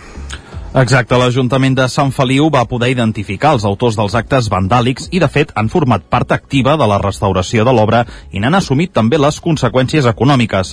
La regidora de Cultura, Caral Vinyals, apunta que el fet d'incloure els autors dels fets en les tasques de reparació té com a objectiu acabar amb els actes incívics i alhora conscienciar els joves del valor de l'art al carrer. Els eh, autors de l'acte van ser identificats i un cop identificats ens vam posar en contacte amb aquests autors per veure eh, quan podrien assistir en un acte pedagògic eh, organitzat juntament amb l'artista del mural, la Cama. Presenciaran i seran part també de la reparació del, del mural. L'objectiu de que presenciïn la reparació és que vegin el que implica pintar un mural i què passa quan es destrossa, que vegin el cost de la reparació, tant eh, artístic com econòmic. Per la seva banda, l'autora del mural, la muralista lleidatana Cama Marlo, que aquest matí ha restaurat l'obra original situada al Parc de Can Xifreda, lamenta que aquesta ha estat la seva primera obra vandalitzada, però també celebra que s'hagi pogut recuperar. Alhora, Marlo apunta que tot plegat, però, forma part de l'art al carrer. I avui he vingut a restaurar-lo just al matí he vingut jo sola per poder arreglar tot el que bueno, és més així complicat i a la tarda vindran els joves a acabar d'arreglar tot el que quedi i que puguin veure la importància de, de respectar els espais. Jo crec que al final el, el que té ser muralista és que estàs exposat al, al públic no? i a l'exterior i jo crec que al final tu ja, tu ja saps que tard o d'hora això acabarà passant i, bueno, et sap greu, però al final és la vida, no? M'ho prenc com que forme part de, de pintar el carrer i de que tothom, bueno, i que sigui accessible a tothom, no? Que també és una de les coses bones que tenim, que és que podem accedir a tothom des del carrer amb l'art, però també té les, els seus contra, que és que tothom també el pot ratllar. Aquest mural pintat el passat mes d'abril, com dèiem, al Parc de Can Xifreda de Sant Feliu i el mural inaugurat aquest mes de setembre a la plaça del 1714 són la primera pedra d'un projecte que ha de veure la llum en els propers mesos i que vol donar vida a parets i murs de diversos espais de Sant Feliu de Codines. Gràcies, Roger. Més qüestions. Demà arrenca la 29a edició de la Fira Gastronòmica del Porc i la Cervesa de Manlleu. Manté el format de 3 dies, des d'aquest divendres a la tarda fins diumenge al vespre. Sergi Vives. La decidida aposta per l'especialització i la qualitat dels últims anys ha donat cos i relleu a la fira. El nou equip de govern afirma que el model funciona i està consolidat. Per això està decidit a continuar-hi apostant.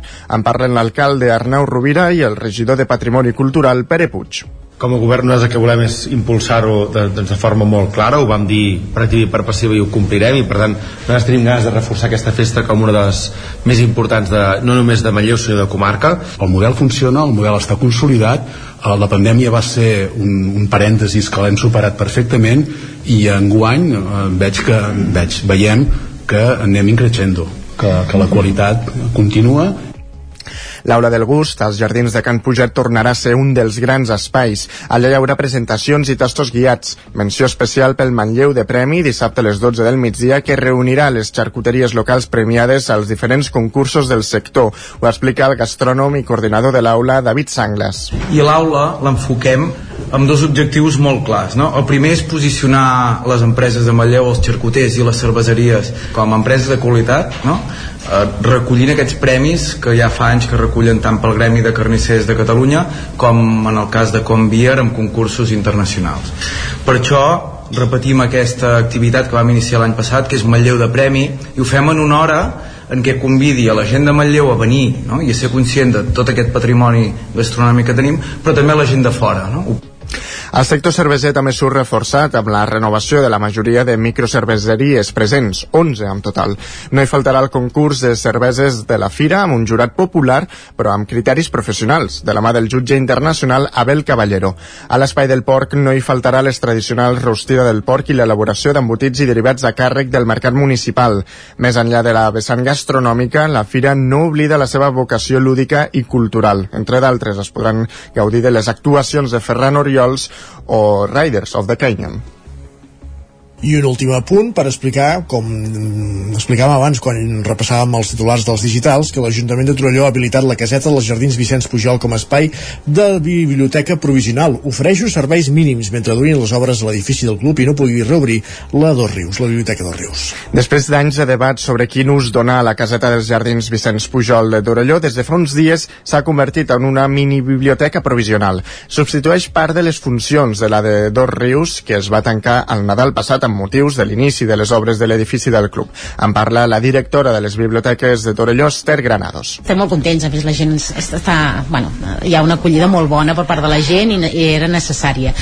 Tot i això, la Biblioteca del Barri continua sent la referent eh, de la Biblioteca de Torelló. Aquí és un espai provisional i bueno, dona servei a la gent que és del centre del poble, hi ha la bústia de, de retorn també 24 hores que l'hem tornat a instal·lar, farem alguna activitat, visites escolars, etc. i els serveis són els mateixos, l'únic que són bueno, com més petits, diguéssim. Tot i l'obertura de l'espai provisional, la biblioteca de referència, com des de principis d'any, és la del barri de Montserrat. Tot i això, hi ha un petit fons variat és com un servei mínim. Llavors intentem tenir en, en l'espai que, que ens ofereix aquest equipament doncs intentem tenir una mica de tot i entre les dues biblioteques doncs déu nhi fem una col·lecció que està bé. I com que podem fer eh, trasllat de llibres d'un lloc a l'altre si algú necessita un llibre de la biblioteca al barri el baixem i a la inversa. Vull dir que podem treballar entre els dos espais. Tot el fons de la biblioteca dos Rius està encaixat. Vull dir que no ho tenim tot aquí però anem tenint fons que ens va arribar nou i l'anem incloent a la col·lecció i bueno, és un fons que és molt actual i també pot fer molt de servei. Des de la biblioteca preveuen que l'espai provisional funcioni fins d'aquí a gairebé dos anys. Aquests dies a la plaça Vella acaben les obres d'enderroc de l'edifici del club i en queda l'esquelet del que s'aprofitarà de l'edifici vell. Segons l'Ajuntament, van sobre el termini. Un cop estiguin enllestides les intervencions que tenen un cost que ronda els 3 milions i mig d'euros, s'hi ubicarà de nou la Biblioteca dos Rius i també hi haurà un auditori i les escoles de música i d'arts plàstiques. Gràcies, Sergi. Acabem aquí aquest repàs informatiu que començàvem al punt de les 10 en companyia de Sergi Vives, Isaac Muntades, Roger Rams i Enric Rubio. Moment de saludar el nostre home del temps, en Pep Acosta, quan falta un minut i mig perquè sigui un quart d'onze del matí.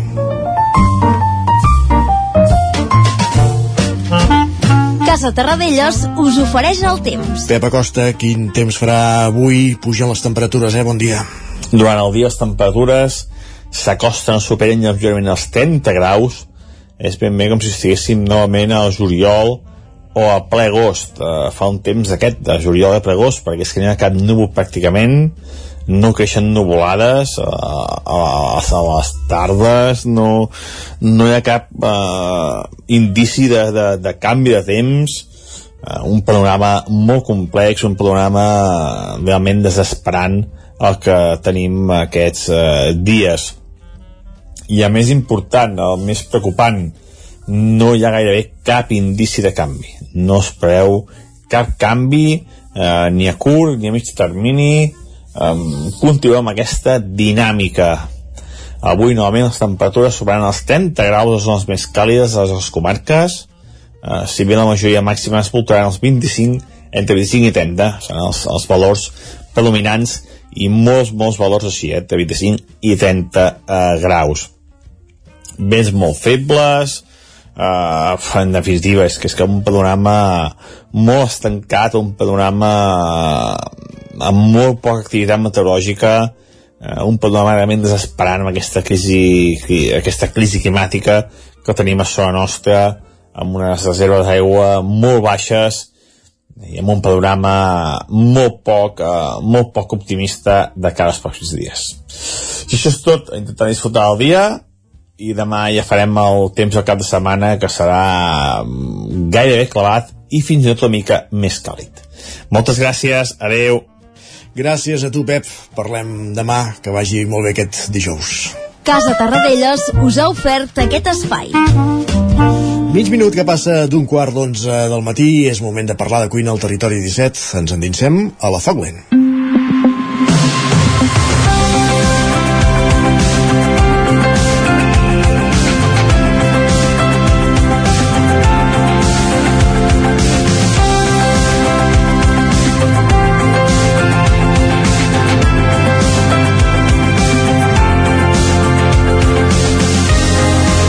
I avui a la Foc Lent, l'espai que cada setmana dediquem a la cuina, a la gastronomia, al producte aquí al territori 17, ens acompanya als estudis del 9FM en Gerard Fortuny. Benvingut, Gerard. Hola. Bon dia.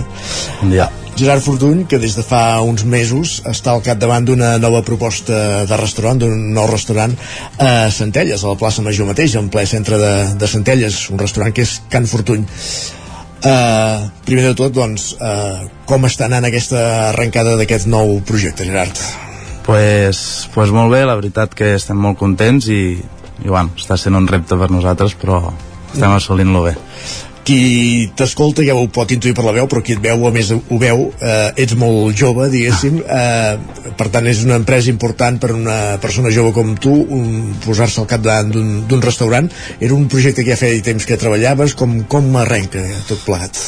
pues des de ben petit que estic intentant tindre un somni que és obrir un restaurant i estem lluitant des de ben petits per, per poder assolir cap somni i bueno, la veritat que des de fa 4 mesos que, que estem lluitant moltíssim i, i estem intentant arribar ja als objectius que volem.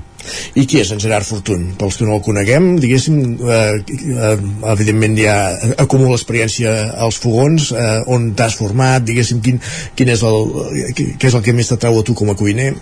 Pues em vaig formar a l'Escola Hostaleria de Quitona i porto ara mateix 7 anys voltant per els millors cuiners a nivell nacional i bueno, estic molt agraït també de tota la confiança que han posat ells en mi i de, de tot el que m'han pogut ensenyar i res, bueno. quins cuiners estem parlant? Per on has passat? Va, va, llueix una mica. Bueno, vaig estar una temporada amb en Carles Gaig, que és un cuiner per, per mi, bueno, li tinc molt apreci per tot el que m'ha ensenyat, i també he passat per en Nando Jovany i alguns més que, bueno, al final, pues, vas acumulant experiències.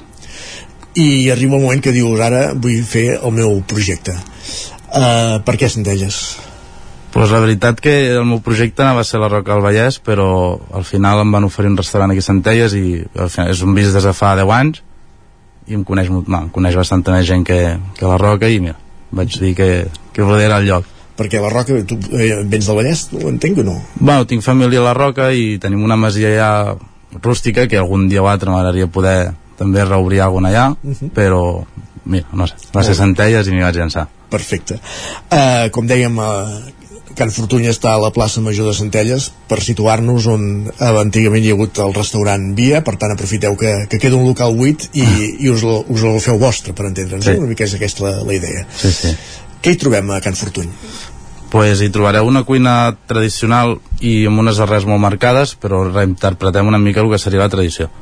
Intentem no, no fer el mateix que fa tothom i, i sortir una mica de, de lo convencional. Uh -huh i a partir d'aquí vosaltres feu diverses propostes de menús, evidentment hi ha carta però també hi ha eh, diversos menús de degustació, diguéssim per, perquè cadascú tria se'l faci a mida, no? per entendre'ns? Sí, bueno, tenim dos menús de degustació un de 8 passos i un de 14 passos el de 8 passos surt a 35 uh -huh. i el de 14 passos a 65 intentem que siguin menús de degustació bastant assequibles per tothom és un dels objectius que em vaig posar aquí a Centelles que eren no buscar que siguin preus bastant assequibles i després també tenim una carta que el que recomanem és que vosaltres us munteu una mica el vostre menú degustació que us la compartiu els plats i que sigui més entretinguda. Sí, la proposta és més aviat per això, per compartir que no pas per anar a fer el clàssic primer i segon, per entendre's. Exacte, eh? correcte.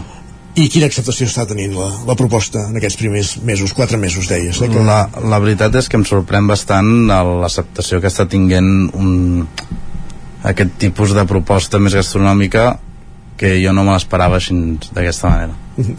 I us està venint gent d'arreu, no només de Centelles, com, com que esteu detectant? Sí, des de fa un meset més o menys estem tinguent molt públic de fora, molt públic de Tarragona, molt de, del Maresme i, i estem molt contents per això com la feu la difusió, diguéssim, com us heu anat a donar a conèixer per, per arribar a tot aquest públic, boca orella és important segurament, però xarxes socials, que, que Molta, més treballeu? Moltíssima xarxes socials, sobretot Instagram, uh mhm. -huh.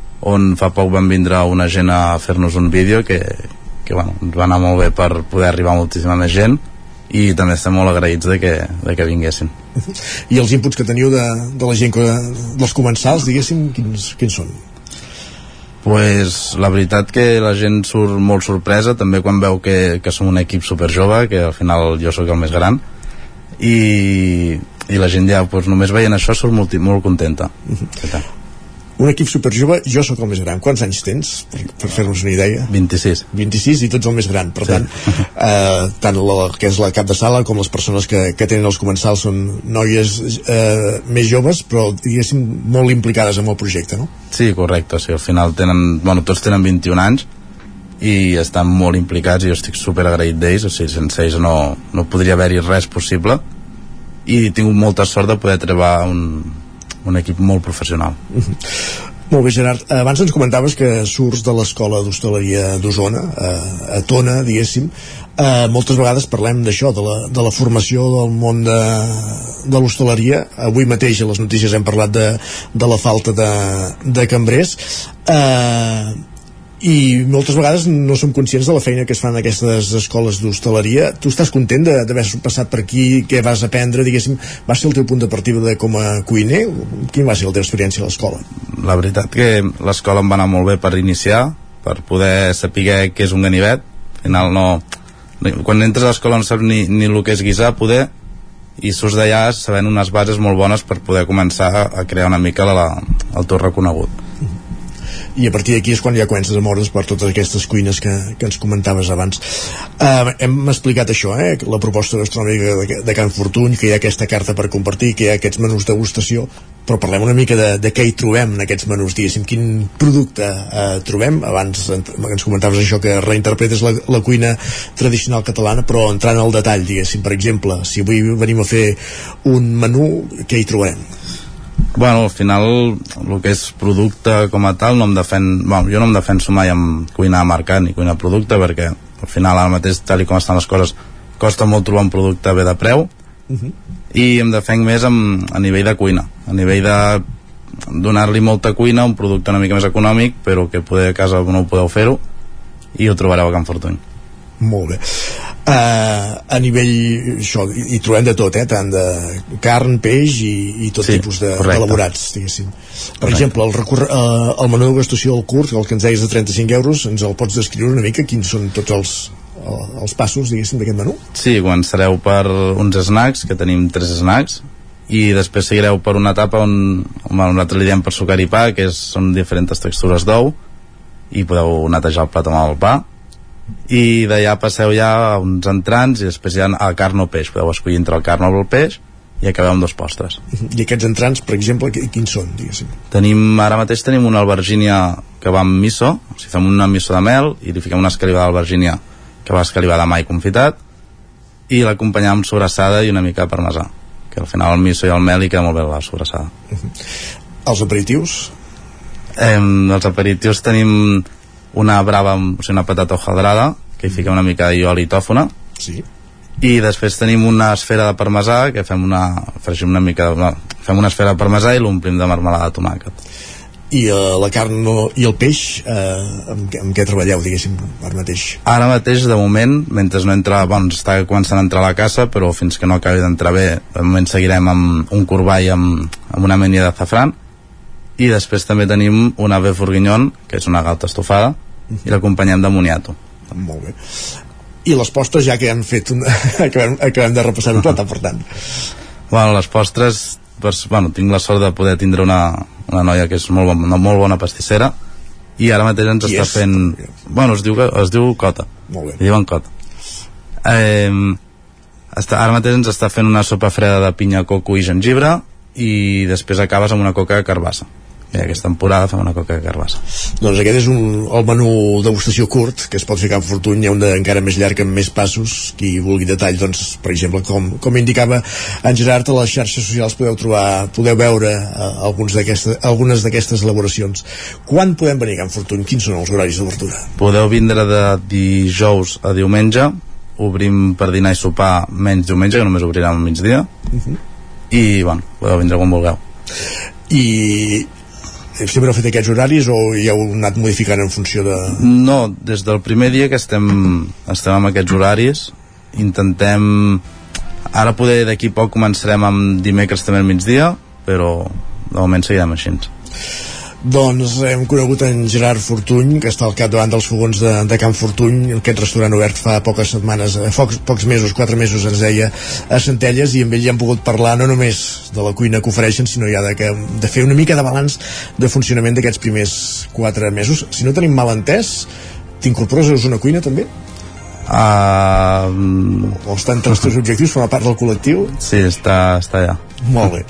Osona Cuina, que ja sabeu que és aquest col·lectiu de, de cuiners de, de la comarca d'Osona i que podria ser doncs, que en un futur hi veiem també que, que forma part del col·lectiu en, en Gerard Fortuny. Gràcies, Gerard, per acompanyar-nos aquest matí i sort amb tot aquest projecte. Moltes gràcies. Nosaltres que avancem aquí al territori 17. Ara tot seguit fem una petita pausa per la publicitat, però de seguida tornem. Ja ens esperen Guillem Sánchez amb el més destacat que ha trobat a Twitter, però també serà moment d'anar al cinema amb en Gerard Garcia i en Gerard Fosses des del veu de Sant Joan i acabar parlant de sèries com cada setmana amb en l'Isaac Muntades, també des de la veu de Sant Joan. Com dèiem, 3 minuts, petita pausa aquí al territori 17 i ara mateix tornem.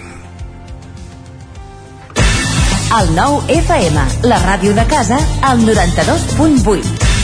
La qualitat de les teves impressions és important per tu? Estàs cansat que els colors i les imatges no surtin com t'esperes? A Impremta Mater disposem de la tecnologia més avançada i els millors professionals per aconseguir impressions d'alta qualitat. Fem tota classe d'impresos amb acabats professionals. Llibres, catàlegs, revistes, tesis, calendaris, enquadernacions... I a més, disposem del servei d'impressió digital en gran format. Roll-ups, lones, pòsters i molt més. Impremta Mater. Ens trobaràs a la carretera de Sant Hipòlit 23 de Vic o impremtamater.com. 25 anys de la Festa del Bolet de Ceba. Diumenge 8 d'octubre vine a la 25a Festa del Bolet de Ceba. Sortides guiades, tallers, xerrades, tastet de bolets, espectacles, doma clàssica, gegants, zona de jocs infantils, concurs de bolets, ballada de swing i molt més. Diumenge 8 d'octubre t'esperem a la 25a Festa del Bolet de Ceba. Més informació a ceba.cat. Si t'agraden les antiguitats, vine a l'1 d'octubre al recinte Firal al Sucre de Vic. A la descarregada de Vic hi trobaràs mobiliari, objectes de decoració, peces d'art, joies, eines, llibres i moltes coses més. Descarregada d'Antiguitats de Vic, diumenge 1 d'octubre, de 8 del matí a 2 del migdia. Sorteig d'un obsequi entre tots els visitants. T'hi esperem. Cocodril Club. Si t'agrada la bona música dels anys 60, 70 i 80, escolta el 9 FM als matins de dissabtes i diumenges d'11 a 1. És el temps del Cocodril Club, tot un clàssic de la ràdio, amb les bases del pop-rock, les llegendes, les cançons que s'han convertit en autèntics himnes. Recorda, dissabtes i diumenges al matí, d'11 a 1, al 9 FM 92.8. Cocodril Club, el programa revival de l'Albert Malla. Hasta luego, cocodrilo. Ser a prop vol dir veure les coses més bé.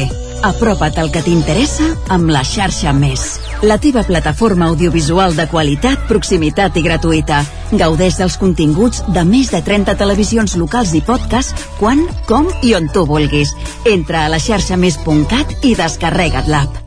Anuncia't al 9FM. La màquina de casa. 9 3 8 8 9 4 9 4 9. Publicitat arroba al 9FM.cat. Anuncia't al 9FM. La publicitat més eficaç. Cada dimarts a les 11 de la nit, al 9 FM, repàs de l'actualitat esportiva a la banqueta. El 9 FM, el 9 FM, el 9 FM, el 9 FM. El 9 FM, la ràdio de casa, al 92.8. En punt, dos quarts d'onze al territori 17.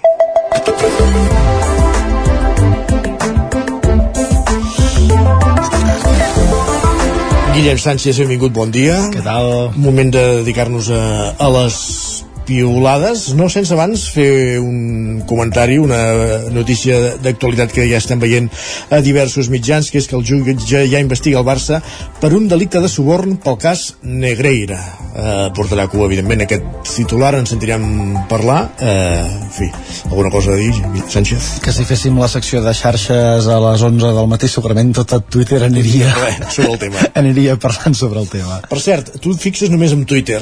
Si de tant en tant, ara no, no és cap retret, eh, no ho interpretis així, eh, però si de tant en tant et fixessis amb, amb el YouTube, et trobaries comentaris com el de la, la Campos al YouTube del Territori 17. que a diu- veure, a veure Diu, bon dia, és d'aquest matí aquest, eh? Us felicito pel programa, us escolto cada matí. Només un apunt, crec que el company que fa el temps va massa a poc a poc. Molt. Pep Acosta, però així s'entén més. I en algun moment, algú de vosaltres no fa falta que corri tant. També ens ho apuntem. Doncs bé. Uh, la, la nit i el dia, algú de nosaltres i en Pep Acosta, ja ho veus. No diu el nom, eh, del, del qui va Algú ràpid? de nosaltres no. Val. Anirem més, més a però jo dic, diria que si apostem que comença per I i acaba per C el, el nom i com que n'hi ha dos al programa com que n'hi ha dos al programa no m'acabo de mullar T'ho eh, compro, t'ho no, compro. no aniríem desencaminats. T'ho compro, va. va, Doncs Isaac, no, no deixem de parlar de futbol perquè també el nom de Girona és el que ressona per totes Home, les xarxes. després de, aquest del partit d'ahir lidera, lideratge de primera divisió ens escriuen soc culer fins al moll de l'os però m'encantaria que el Girona fes un Leicester City i guanyés la Lliga, això ens ho diu en Pau en Pol hi afegeix jo em diu, quedo ja que guanyin el Madrid, el Madrid di- dissabte. I tant. aquest és el primer objectiu. En Pol hi afegeix el següent i ens diu diu la fred i li crida que cardes a Daily Blind si, si rifa una pilota al minut 95 carnet de, giros, de girocleta per pujar a Montilivi. Sap que les braves del Cònic ja no són el que eren però les continua demanant. Diu Mitchell Sánchez catedràtic del futbol i líder de primera carai tu. I en Pep Antoni proposa una, una idea. Diu, una novel·la sobre un gironí que es desperta del coma després de 3 anys. Li diuen que el Girona és líder a primera que una empresa de pinso de gos en fàbrica a Santa Llogaia d'Alcama patrocina la samarreta i que l'entrenador és un madrileny que xerra català.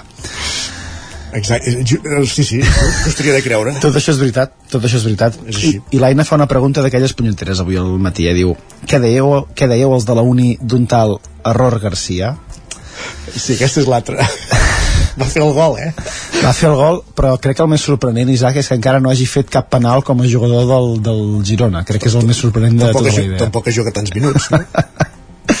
Va, sense deixar el món del futbol i els jugadors, això que ens explica la Mar també fa una mica de, una mica de gràcia, la veritat. Diu, els he dit de broma als nens de la meva classe, ella és la professora, que el meu nòvio era en Joao Fèlix.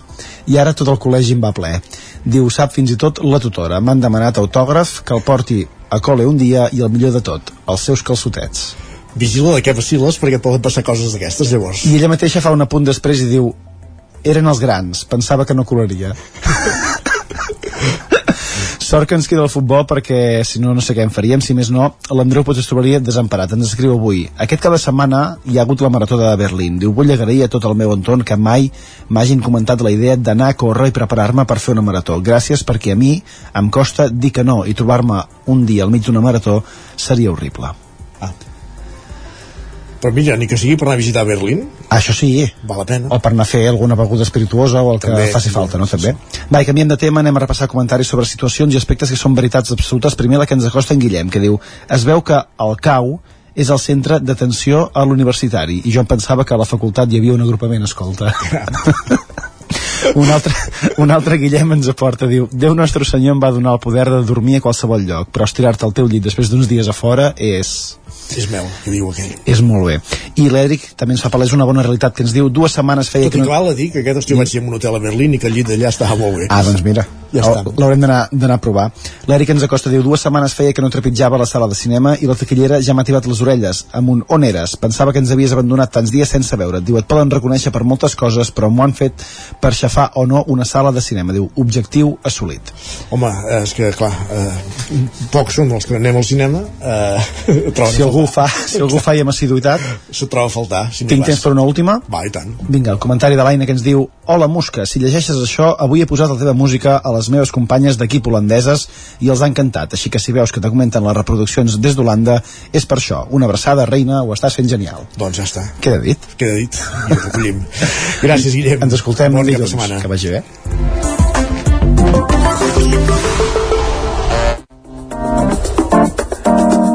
Territori 17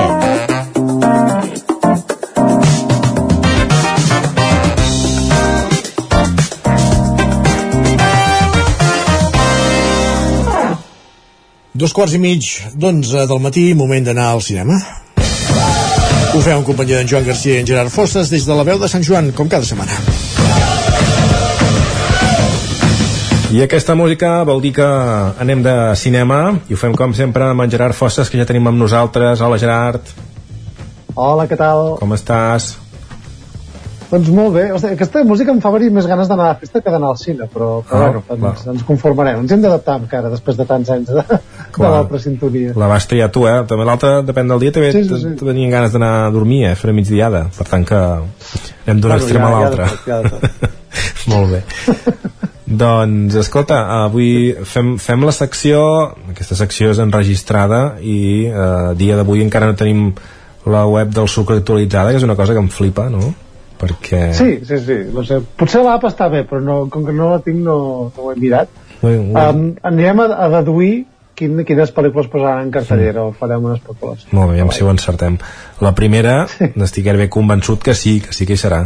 Home, segur, segur, Mhm. perquè és, és la gran estrena del cap de setmana, tot i que segurament no n'heu sentit a parlar molt. Uh, és una pel·lícula així d'acció, sense ficció, d'aquestes amb grans efectes especials, i novetat de la vida, és una creació original, no és una adaptació, no, Mhm. no ve d'un còmic, no és de superherois, és una pel·lícula escrita i dirigida per Gareth Edwards i es titula The Creator. Cuando empezó la guerra, ellos me protegieron. Me cuidaron mejor que ningún humano. No son personas, Maya. Solo programas. Hoy hace 10 años, la inteligencia artificial creada para protegernos detonó una cabeza nuclear en Los Ángeles. Esta es una lucha por nuestra propia existencia. Ves que no fos per salvar-nos de nosaltres mateixos, eh? Sí, efectivament. Uh, anem una mica al territori de, del que ja va ser fa molts anys Terminator, uh, que és bueno, una intel·ligència artificial, aquest uh, concepte que està tan de moda últimament, uh, tan desenvolupada doncs, que decideix rebel·lar-se contra els humans, i aquí ens situem en un futur postapocalíptic, no, no estem parlant d'anar viatges al passat a matar John Connor o Sarah Connor, sinó que és això, la, les conseqüències d'aquest gran canvi a la humanitat um, i com això, hi ha una resistència que lluita contra aquesta intel·ligència artificial i uh, bé, hi ha, uh, que també, o sigui, perdó, eh, els éssers humans també tenen uns quants robots, que és molt complicat d'explicar un univers. O sigui, hi ha, hi ha robots, Sense- robots tontos que van amb els homes, no? Que Ah, Exacte, encara, sí, encara... robots més primitius Mm. i que estan al servei dels humans i, i bé, i després això, hi ha els humans que fan aquesta resistència. Mm. Diem que la gran missió de la pel·lícula és anar a destruir el, o anar a matar el creador d'aquesta intel·ligència artificial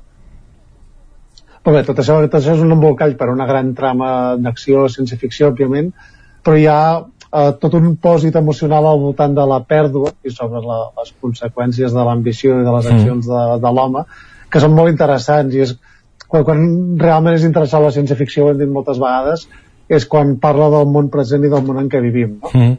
És, com, és, com una, és com una barreja entre, entre Terminator i intel·ligència artificial, no?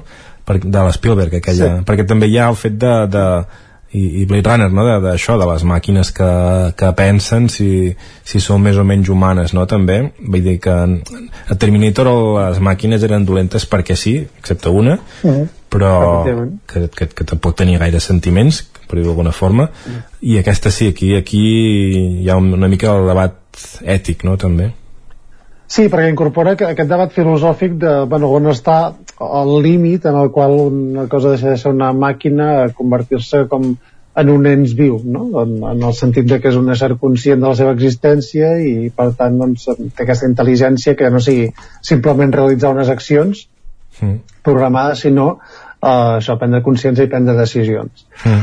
Uh, això, és, és un film molt interessant, a més a més Gareth Edwards feia molts anys que no estava fent una pel·lícula recordem que és el director de, de Rock One aquest spin-off tan exitós de, de la Guerra de les Galàxies i segurament la, la pel·lícula més ben valorada de, de l'última tongada Mm -hmm. i, i sí que ell, ell ja té una gran experiència amb el cinema de ciència-ficció va ser responsable del reboot de Godzilla i d'una pel·lícula independent que recomano moltíssim que, que va presentar Sitges justament el 2010 que es titulava Monsters ja dic, una filmografia molt curta però una presència bastant preeminent a Hollywood i en aquest cas amb una aposta per un film original que és, ja dic, una cosa gairebé inaudita i que s'ha de celebrar um, també doncs, de, de gran qualitat no? és això blockbuster i cinema d'autor alhora que és com ajuntar tot el que necessites perquè realment tenir un, un producte d'entreteniment de qualitat Mm -hmm. Molt bé. doncs, perfecte, anem a, a seguir. Què més? Què més tenim? anem a un, un canvi gros de registre però Perdona, també perdona. és un retorn a celebrar El que no hem dit és això, eh? Els ocines segur i el sucre suposem que sí. La nostra aposta és que sí que aquesta hi serà. Aquesta serà. La segona, jo ja ho dubto una mica més. Uh -huh. Uh, com et deia, estem parlant d'un retorn, un retorn pel qual hem esperat ara tres dècades, que no és poca cosa, que és un dels grans directors espanyols que es diu Víctor Erice, i arriba amb una pel·lícula que es titula Cerrar los ojos. Arranca. Se llamaba Julio Arenas y era actor. Uno de los más admirados y queridos del cine español. Desapareció de la noche a la mañana, un día de hace 22 años, cuando estaba rodando una película. Me alegra muchísimo que haya aceptado participar en el programa.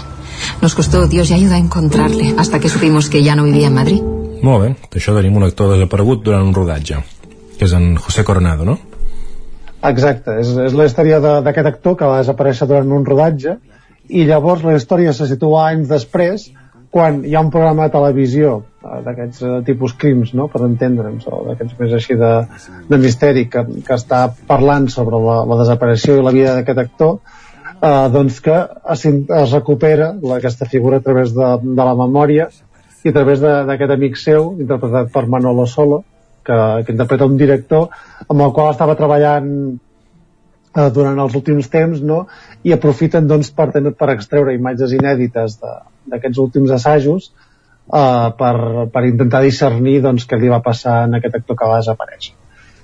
Uh, al final, o sigui, és un embolcall d'una trama de misteri completament metacinematogràfic que al final és una mirada sobre el propi cine de com el fet de que una cosa quedi plasmada en celuloide doncs, fa que creïs una identitat nova, una mirada nova um, segons el temps i el qui ho veu doncs, la història canvia i és una reflexió sobre l'impacte del cinema sobre la persona que el fa i sobre la persona que el veu uh, òbviament Víctor Erice té aquesta capacitat intel·lectual com a gran director i com a gran coneixedor del setè art per desenvolupar, desenvolupar una pel·lícula d'aquesta magnitud eh, diguem-ne intel·lectual i alhora artística i alhora sembla com una, com una obra de, de testament no? Dic, Víctor Erice portava 30 anys sense dirigir malauradament Mm. i ha aprofitat doncs aquesta pel·lícula doncs, per parlar sobre això, la, les carreres inacabades, les pel·lícules inacabades i, i les històries que s'han imaginat però que no s'han portat mai a terme que és aquest, Mm. això, un, aquest gran homenatge al cinema que, que ha sigut i el que no ha pogut ser Mm. Per tant, que pel·lícula sobre un actor desaparegut d'un director que realment ha estat desaparegut. efectivament bueno, ha anat traient el cap per llocs ha participat en documentals però no, no dirigia una pel·lícula de ficció precisament des, de, des del sol del membrillo si no recordo malament de, de l'any 92 o així, o sigui, fa, fa bastant Molt bé. Uh, es podrà veure al cine i el sucre creiem que no. El sobre creiem que no, però esperem que sí, com a mínim en les properes setmanes. Molt bé. Doncs anem per la tercera. Anem per la tercera, que aquesta la recomanem per, perquè són cares conegudes, però eh, tornen, diguem, amb més arrugues que mai. Estem parlant de la quarta part de Los Mercenarios. Eh, ¿qué haces aquí?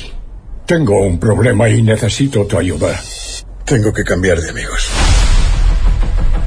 ¿Este es el nuevo? ¿Este es el francotirador? No te preocupes. La mira está graduada. Eh, ojo de halcón, recuerda esta cara. No vayas a cagarla. Unos terroristas se han hecho con los misiles nucleares de un carguero cerca de la costa.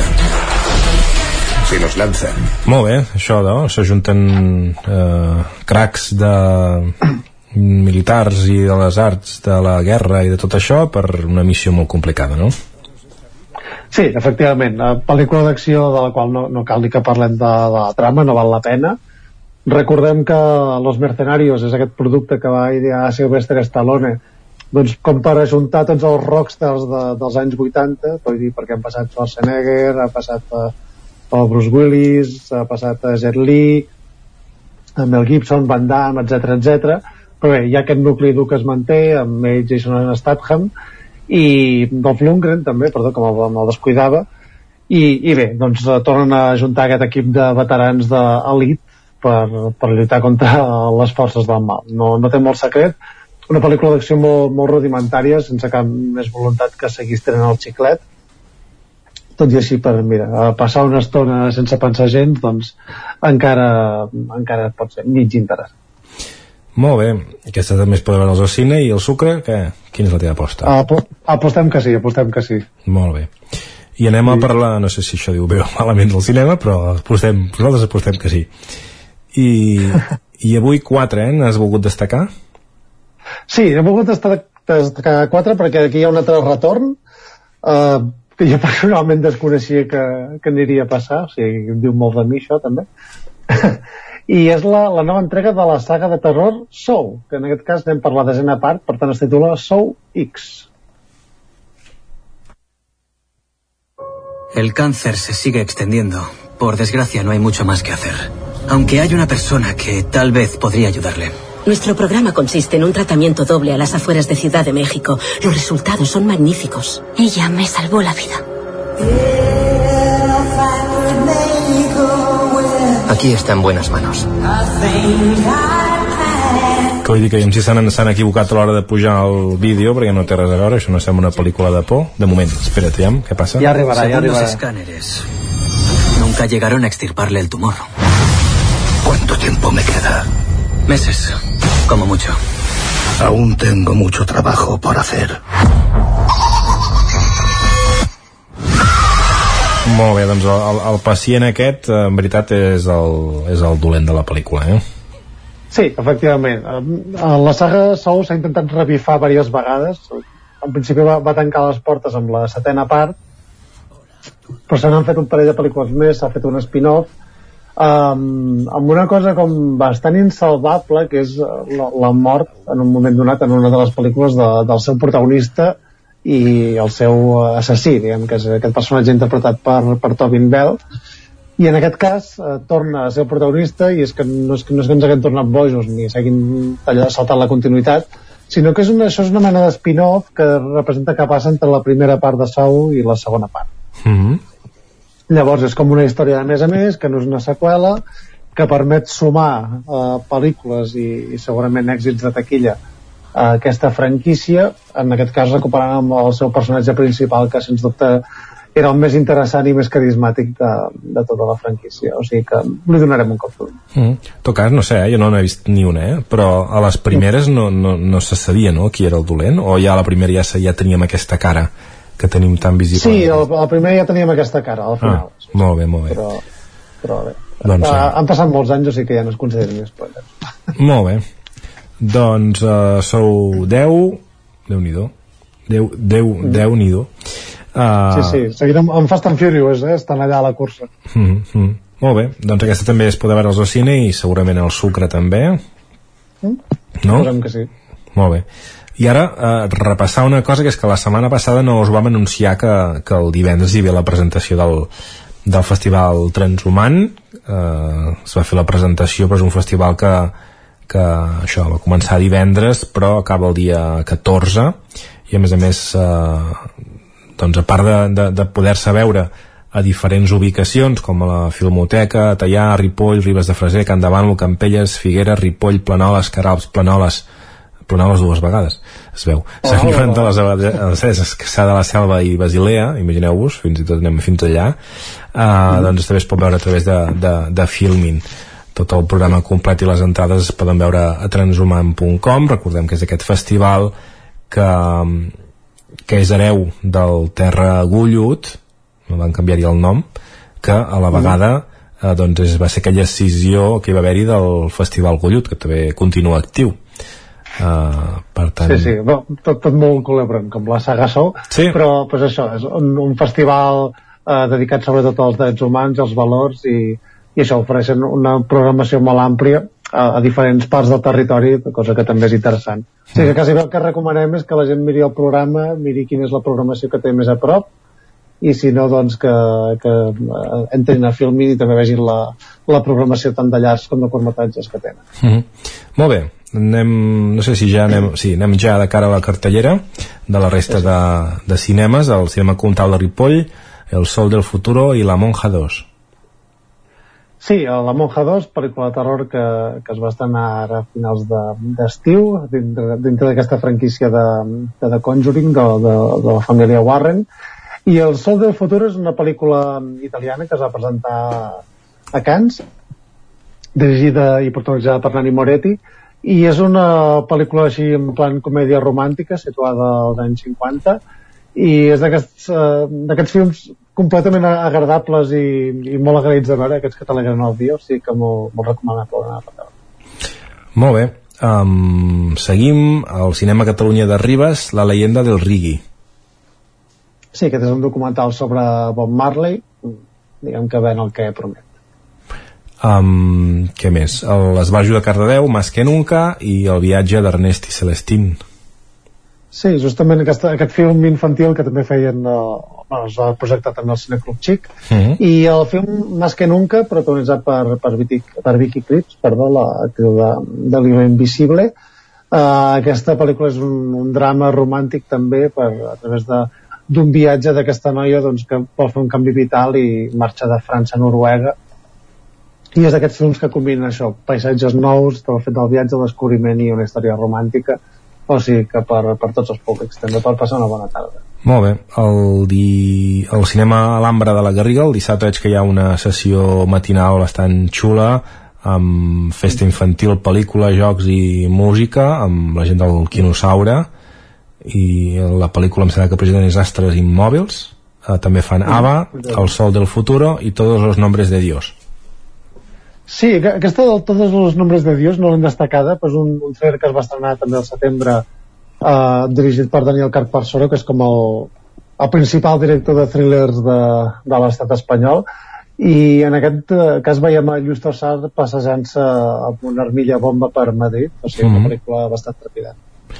I per últim el Cineclub de Vic eh, Les Cinefiles Sí, aquest és un documental argentí eh, de l'any 2017 que explica la història de, de diferents dones en diferents llocs geogràfics, a Espanya, Uruguai i Argentina, que, que bàsicament el que fan és anar al cinema cada dia. I és una història eh, sobretot sobre que- aquesta, la, la identitat i la història i, i la vida d'aquestes dones però sobretot també arran de la seva vinculació al cinema i al setè art i és una mica amb aquesta idea o filosofia que el cinema també pot, pot acompanyar i pot salvar vides.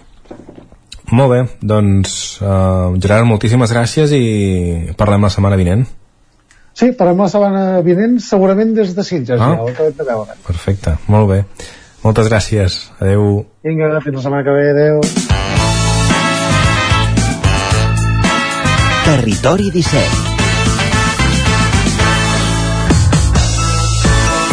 Recte final del territori 17 d'avui. Hem parlat de cinema. La setmana que ve en Gerard Fossa serà a Sitges. L'Isaac Montades em sembla que serà a Sant Joan de les Abadesses. Benvingut de nou, Isaac. Hola, bon dia. Qui és Erin Carter? Qui és Erin Carter? Molt bona pregunta. Uh, és, bueno, uh, és, una, és una noia que viu a Barcelona i treballa de, de professora. Això és la premissa que tenim d'aquesta sèrie de, que és dels Estats Units, tot i que està rodada doncs, a, a Barcelona en gran part. Vull dir que això és, és una cosa curioseta. Uh, i, I la sèrie, la trama va una mica de descobrir qui és realment ella, perquè uh, parteix de la premissa doncs, que hi ha un atracament en un supermercat i ella ha de defensar doncs, la seva filla de, dels atracadors i a partir d'aquí es desencadena eh, doncs, eh, bueno, coses del passat que li van succeir comencen a veure la llum i, i una mica la seva vida que tenia doncs, algun passat una mica així fos comença, comença a sortir i ho ha de una mica ocultar de, del seu home uh, però bé, és, és una història bastant curiosa, és una espècie entre thriller, sèrie d'acció és a Netflix, hem de dir són, són set capítols d'uns 50 minuts de durada i potser també és una mica atropellada la, la sèrie en el sentit de que algun capítol més no hagués passat res però, però bé, no, no, no està malament és entretinguda per passar una bona estona tampoc és la millor sèrie de l'any, hi ha moltes escenes d'acció cosa que ajuda. Si sent parlar català de fons en algunes ocasions quan estan en llocs públics vull dir que fa gràcia i tot això. Els actors sí que són tots anglesos excepte un que és en Pep Ambrós que, que no, no, la veu en castellà no és la seva, eh, em sembla, realment, de, del que seria l'actor, però el coneixereu perquè també ha fet de, de policia a, a la sèrie del Cuerpo en Llamas, i aquí també fa de policia. Carai, Vull dir... L'actor policia, vaja.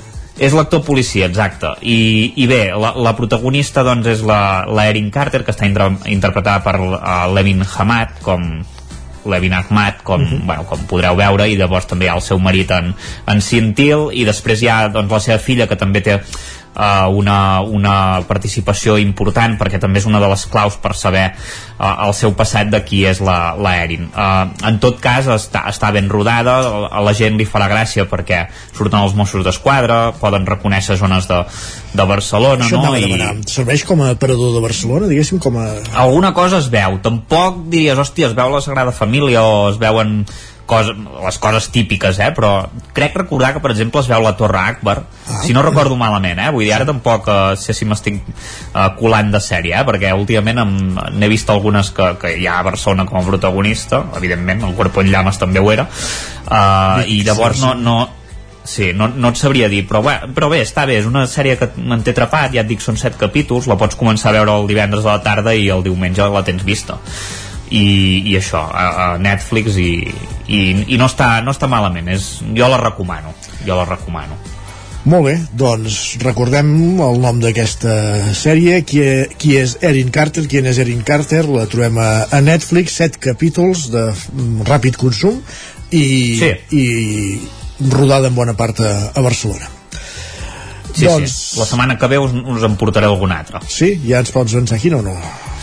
Mm, m'ho he de pensar. Suposo que, per exemple, no sé si voleu que us en recomani una que es diu Arcana, que ja és feta d'un temps, us la, us la portaré. Molt bé. D'animació, aquest, en aquest cas. Arcana d'animació. Doncs la setmana que ve en parlem. Isaac, moltíssimes gràcies. Ens retrobem demà amb una nova edició del Territori 17 a vosaltres, fins demà. Fins demà. I el Territori 17 que ja arriba a la recta final, acabem aquí, després d'aquesta darrera mitja hora dedicada a la ficció. Hem parlat de cinema amb en Joan Garcia i en Gerard Fosses i també des de la veu de Sant Joan, ara l'Isaac Muntades, ens feia aquesta recomanació d'aquesta sèrie de, de Netflix. Com dèiem, recta final, arribem al final del Territori 17 d'avui, dijous 28 de setembre de 2023, festiu al Lluçanès, ho hem explicat, hem connectat amb la Fira de l'Hostal del Vilam, que s'hi celebra durant tot el matí en aquest indret de Sant Agustí de Lluçanès amb en Miquel Giol i han fet moltes més coses eh, però arribem al, al final. Us hem acompanyat des de les 9 del matí Roger Rams, Miquel Giol, Pepa Costa Enric Rubió, Isaac Muntades, Guillem Sánchez Joan Garcia, Gerard Fosta, Sergi Vives Isaac Moreno, el Territori 17 i torna demà a partir de les 9, serem divendres. Fins aleshores gràcies per ser i bon dijous